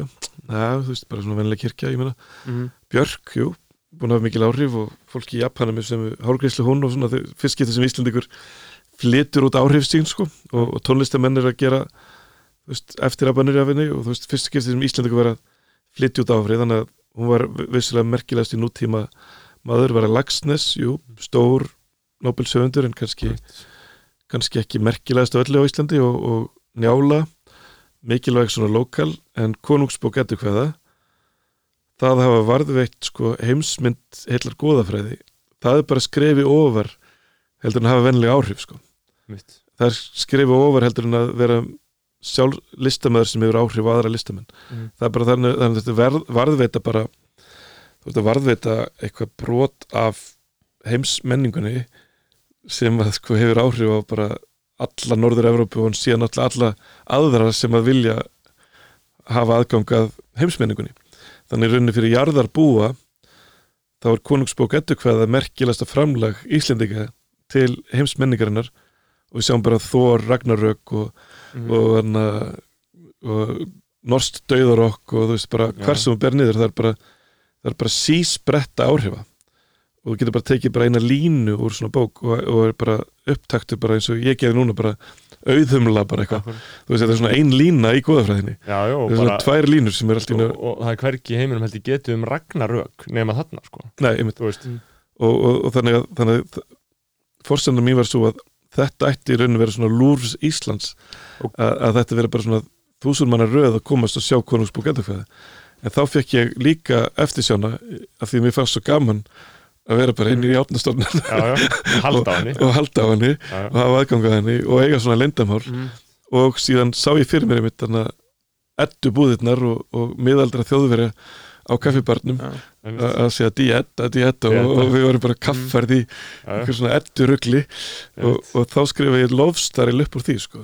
Upp sko- úr svona dystopíunni af, af þessu af þessu sko En, en er þetta uh, bara upp á sé ekki svona upp af bara áherslum áherslum, áherslum ríkisins og markasetningu eins og bara ég var í Dublin og þar beði ég í röð til að sjá hana Book, Book of Kells já. já.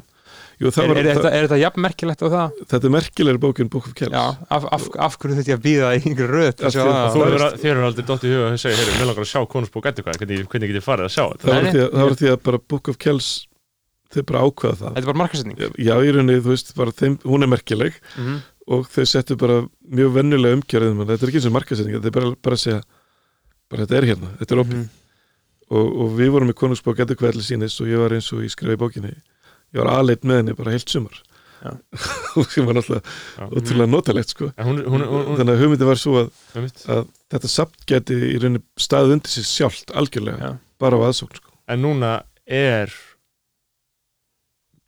bót að þessu í, í farvatninu þetta verður í húsi íslenskunar já, og verður að vísa inn í glerskap Mhm. þannig að það er svona síðustu forfið að fara og halda á konungsbókinni kannski, en ég hef haldið á er frá 1275 til 80 talið vera sko.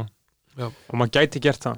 Og það, til útskýringa fyrir fólk þá er sérst mm, það er getur svona að gera um klík Já, gegnum ég, ég gæti Já. pluggað því sko þú veist, en, en, en þú veist, ég, það er samt mikið stress með að fara inn, en eðlilega að því maður heldur á þessu og þetta er alveg Já, þetta er maður fyllist alveg lotningu þarna sko og ma Já. maður fær svona smá svona samvinskupið Já. yfir í vera af eyðinni sko. Einmitt, ég saman maður sko ma ma finnst maður vera að eyða og að snerta síður, að snerta bara það sem stendur já, já, maður, maður finnst maður vera að taka þátt í eðileggingunni með því að fá að kíkja en, en sem er, í rauninni ekki að gera sko. og, nei, ég menn þetta er skinn þetta er þetta helst bara helviti vel sko og, það, og þá er einmitt þessi tímapæling hjá mér í tíman og vatninu þú veist, án eftir að lifa þúsund ári viðbútt Mhm. Bara, hva, hvað er það? Já. Skilju? einmitt Og hvað er heiminum búin að breytast mikið á þúsund Mm. árum til viðbútt vegna þess að og lofslægið verður hægt að tala íslensku skilur lofslægið og eða þá eða þá verður þetta svo Ísrael við verðum svona, við verðum svona öfga lesa Ég-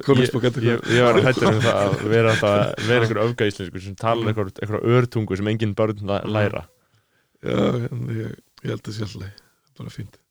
Heldur, heldur að tungumáli sleppi? Heldur að íslenska muni lifa? Þannig það, spyrja það, er þeirra svo, ágætis það er svo erfitt að segja. En er þú, að því að sömur gera voða lítið úr panikinu sem er með tungumáli og sömur gera voða mikið úr þessu sömur hafa kannski atunni að því að, að paniki sé mikið en en svo sjá eins og Kanada sko, það sem að var svona íslensk nýlenda. Og það er fullt af fólki sem tala íslensku til 12 ára. Svo bara til bara, hvað er þetta sko? Mhm. einmitt. Ég held að það sé bara undir okkur komið, ég held að maður get ekki spáð því. Ég held að ef við viljum tala íslensku þá munum við tala íslensku. Mm. og ef við höldum áfram að segjast vilja tala íslensku og gera eitthvað í því Mm. þá munum við gera það.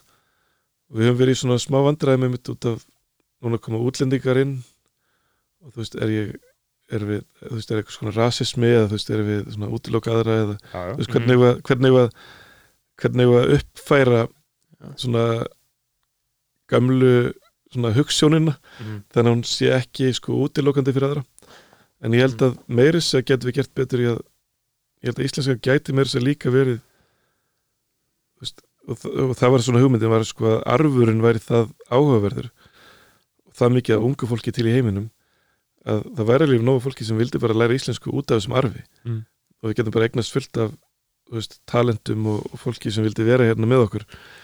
Eiginlega bara út á það að það hafi tekið tvö ára í þessu og farið svo í verkfræði eitthvað. Þú veist að því það er bara það má ekki vannmeta í rauninni hvað þetta er áhugavert og sérstætt já, ég held að og líka rótin að tungumáli Norrlandana þannig að þetta er þetta eru, rosa erfiða spurningar allan með sko, einmitt, veist, að við höfum við, það hefur flikst hingað erlend vinnuafl, bara ótrúlega mikið. Og það búa náttúrulega í raun og veru næstu tvær ef ekki þrjár þjóðir í landinu sem eru annars vegar nýbúar hins vegar kannski Reykjavík og síðan landsbyðin en, en þú veist nýbúarnir eru, þeir lifa eigin lífi og það lítur eiginlega eigin lögmálum að einhver leiti, þau búa einhverjum hliðaveruleika sem við sem erum einhverjum svona algjöru íslenskri uh, forðundastöðu skilum við alltaf enga veginn sko. og það, ég held að það geti verið mjög erfitt fyrir tungumáli einhvern veginn að komast af í því umhverfi eða þá líka, það er ekkert það er ekkert uh, algjörlega sjálfsagt að fólk sé veist, fólk getur verið inn í 5-6 ár og það bara sér aldrei ástæðu til þess að tilengja sér íslensku sko. Nei, við sjáum samt eins og Luxemburgískan hún hefur lifað þó hún sé sko búin að vera umflotin sko umflotin frönsku og þýsku Mhm. alveg bara sko einmitt. alveg bara svona í svo nánu sambíli það bara en er hún tungumál með sjálfsmynd og með, þú veist hún er ekki eins, og- nei, hún er ekki eins sterk og íslenskan Nei, og ekki með eins miklu sjálfsmynd en, en, en, og ekki eins enga bókmynd já, akkurat. En í rauninni hefur samt lifað sko. Já. Mhm. sem svona heimilismál og sem svona skólamál líka.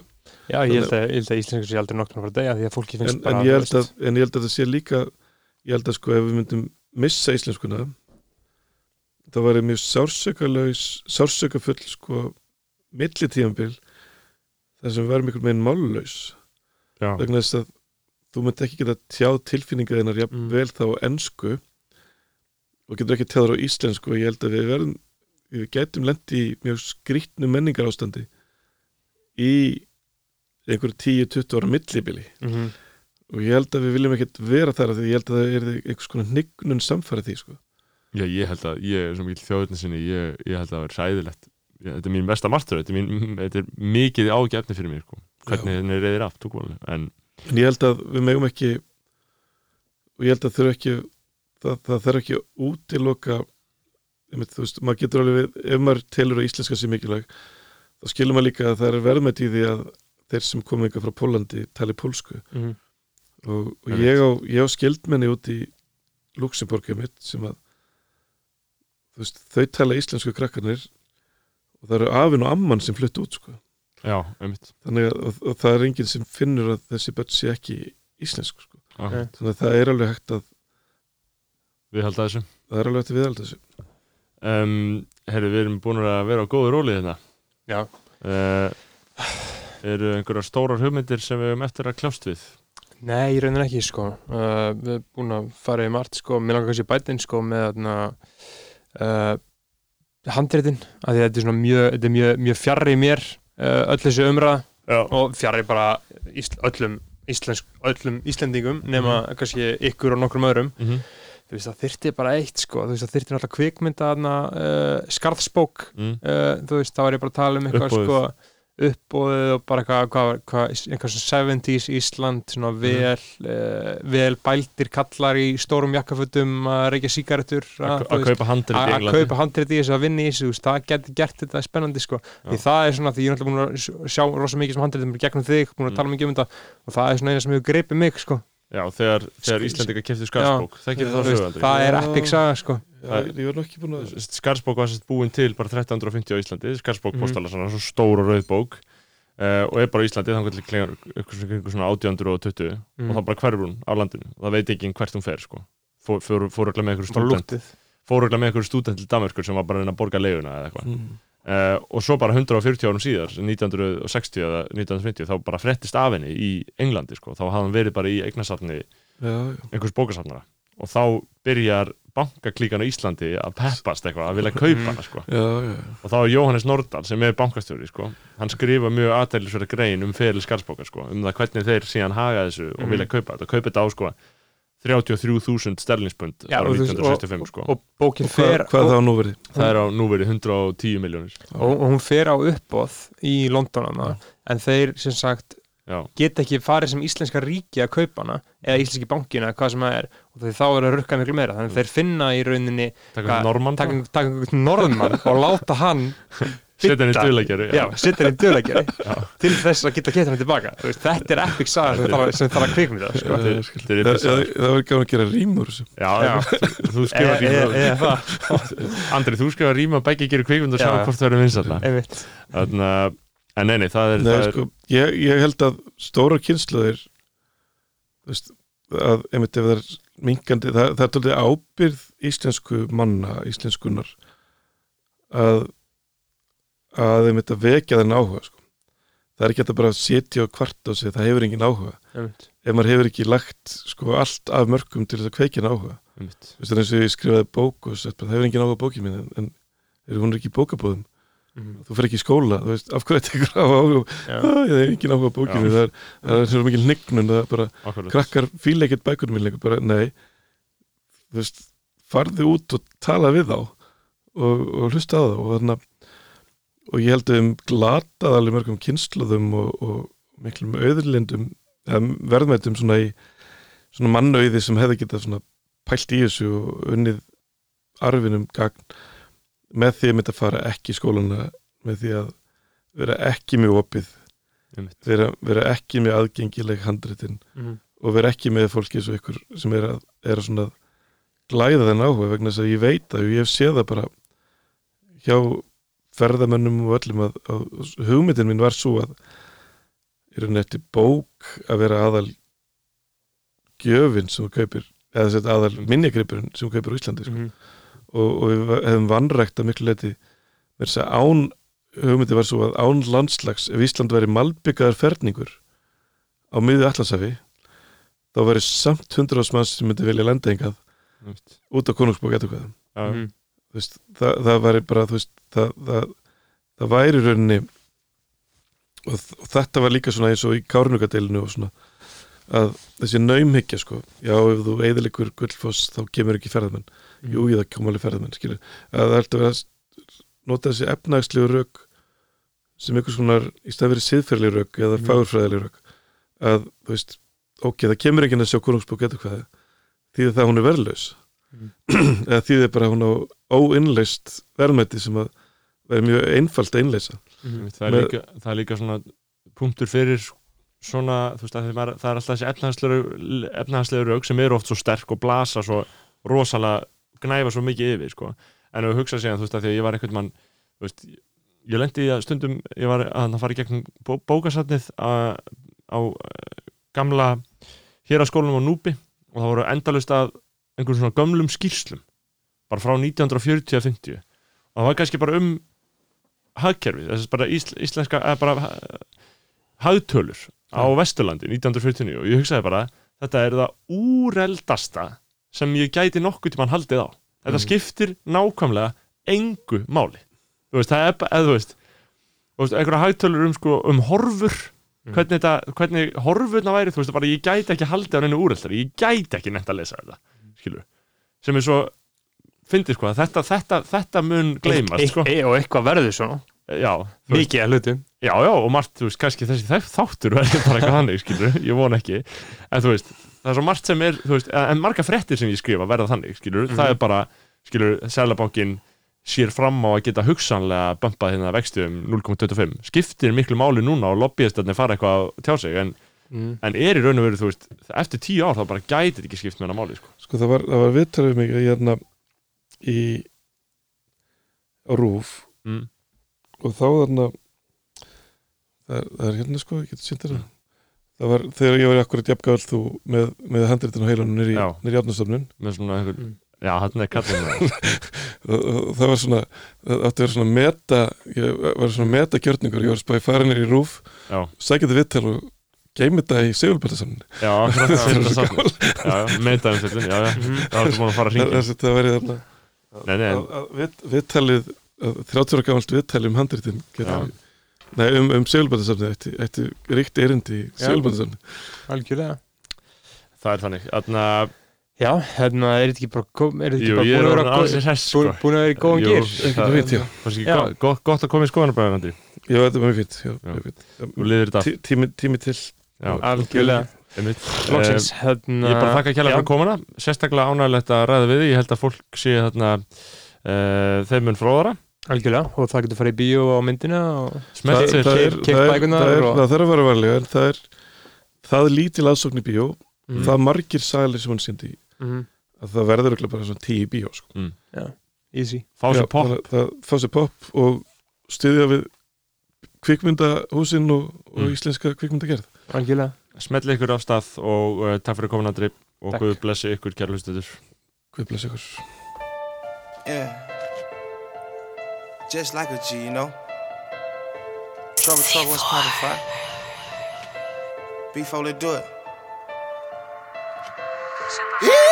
I wake up and go get me some new money. You know I'm living like a G. These little niggas ain't gonna take nothing from me. You know we do it like a G. I swear to God, I fuck on anyone. Just like a gangster, just like a G. It's duct taping white as hell. You know I do it like a G. G's up, hoes down. G's up, hoes down. Get a little bit loud. G's up, hoes down. Get a little bit long. G's up, hoes down. Walk G's up, hoes down. G's up, hoes down. G's up, hoes down. Y'all, G's up, hoes down. Like a thief in the night. I take anything but some pussy. She Suck that head like a dyke. She got that head that I like. Deep in your partner ain't right. Put that little baby on ice. I made that paper like right. White on that bucket, your motherfucker life. School uh. I promise you know me. Yeah. I, I pull up by my cake. Where I'm from is not safe. I got fish on my lake. Scoop them grits out the plate. Yeah, she thought it was steak. I'm a thief in the night. Make ride like a bike. I go down on a dike. I go up on my price. I might drop Kimbo slice. Kicking out like Uncle Ice. I got grits at the beach. And they white like a rice. Let trouble take your life. After I get your five. Hey, straight put that five to the side. It ain't no question how nigga gon' rap when they come with no question. My nigga get quiet. Nigga sit quiet. Yeah. I am not taking no disrespect. You bad, you on, you gon' fake. Know that won't happen on me. I drop a key like that motherfucking bitch. Ooh. I look good as your dad on a Friday. So many cars I gotta buy a driveway. Never gonna let them live in nigga crime pay. Serving these SOPs instead of popping. Pockets fed up like they jumped them. Why you zealous love me in a condom? Making baby and boo like a uncle. I'm so geeked up, I'm like fuck a condom. Like a thief in the night. I take anything but some pussy. She got that head like a dyke. She got that head that I like. Deep in your partner ain't right. Put that little baby on ice. I made that paper like right. Right on that bucket, your motherfucking life. School um, I promise you know me. Yeah. I, I pull up by my cake. Where I'm from is not safe. I got fish on my lake. Scoop them grits out the plate. Yeah, she thought it was steak. I'm a thief in the night. Make her ride like a bike. I get them all on the race. She didn't even know what it was, but she tasted. I dig in the shit, sound like Jason. I be your burgers at more than occasion. They betting on me like in Vegas. Betting on me like I'm Vegas. Stick to the code, man, it won't be no trade. Thugger, thugger, tell me what would you say? What would you say? No J money, but my gun say bow. Pop a Miley, look better than fiend. I'm the target, motherfucker, no beam. No, this shit is not good as it seems. I might give her the blues with no jeans. I kiss shit like a chunk and a chain. I'm a boss, I'm about that unity. Sandwiches, you know you in between. And you gotta know we at the green. You gotta be young nigga wilder than Billy Jean. Gotta have baby for life feed. You ain't with it, you a L. Still getting it, yeah, bounce. Break it down on the scales. If it add up, hell yeah, do it. Slap back, I seen ran to it. The thief in the night. I take anything but some pussy. Suck that head like a dyke. She got that head that I like. Deep in your partner, he right. Put that little baby on right. I make that paper like right. Right on that bucket, your motherfucking light. School um, I promise you'll know me. Yeah. I, I pull up by my cake. Where I'm from is not safe. I got fish on my lake. Scoop them grits out the plate. Yeah, she thought it was steak. I'm a thief in the night. Make her ride like a bike.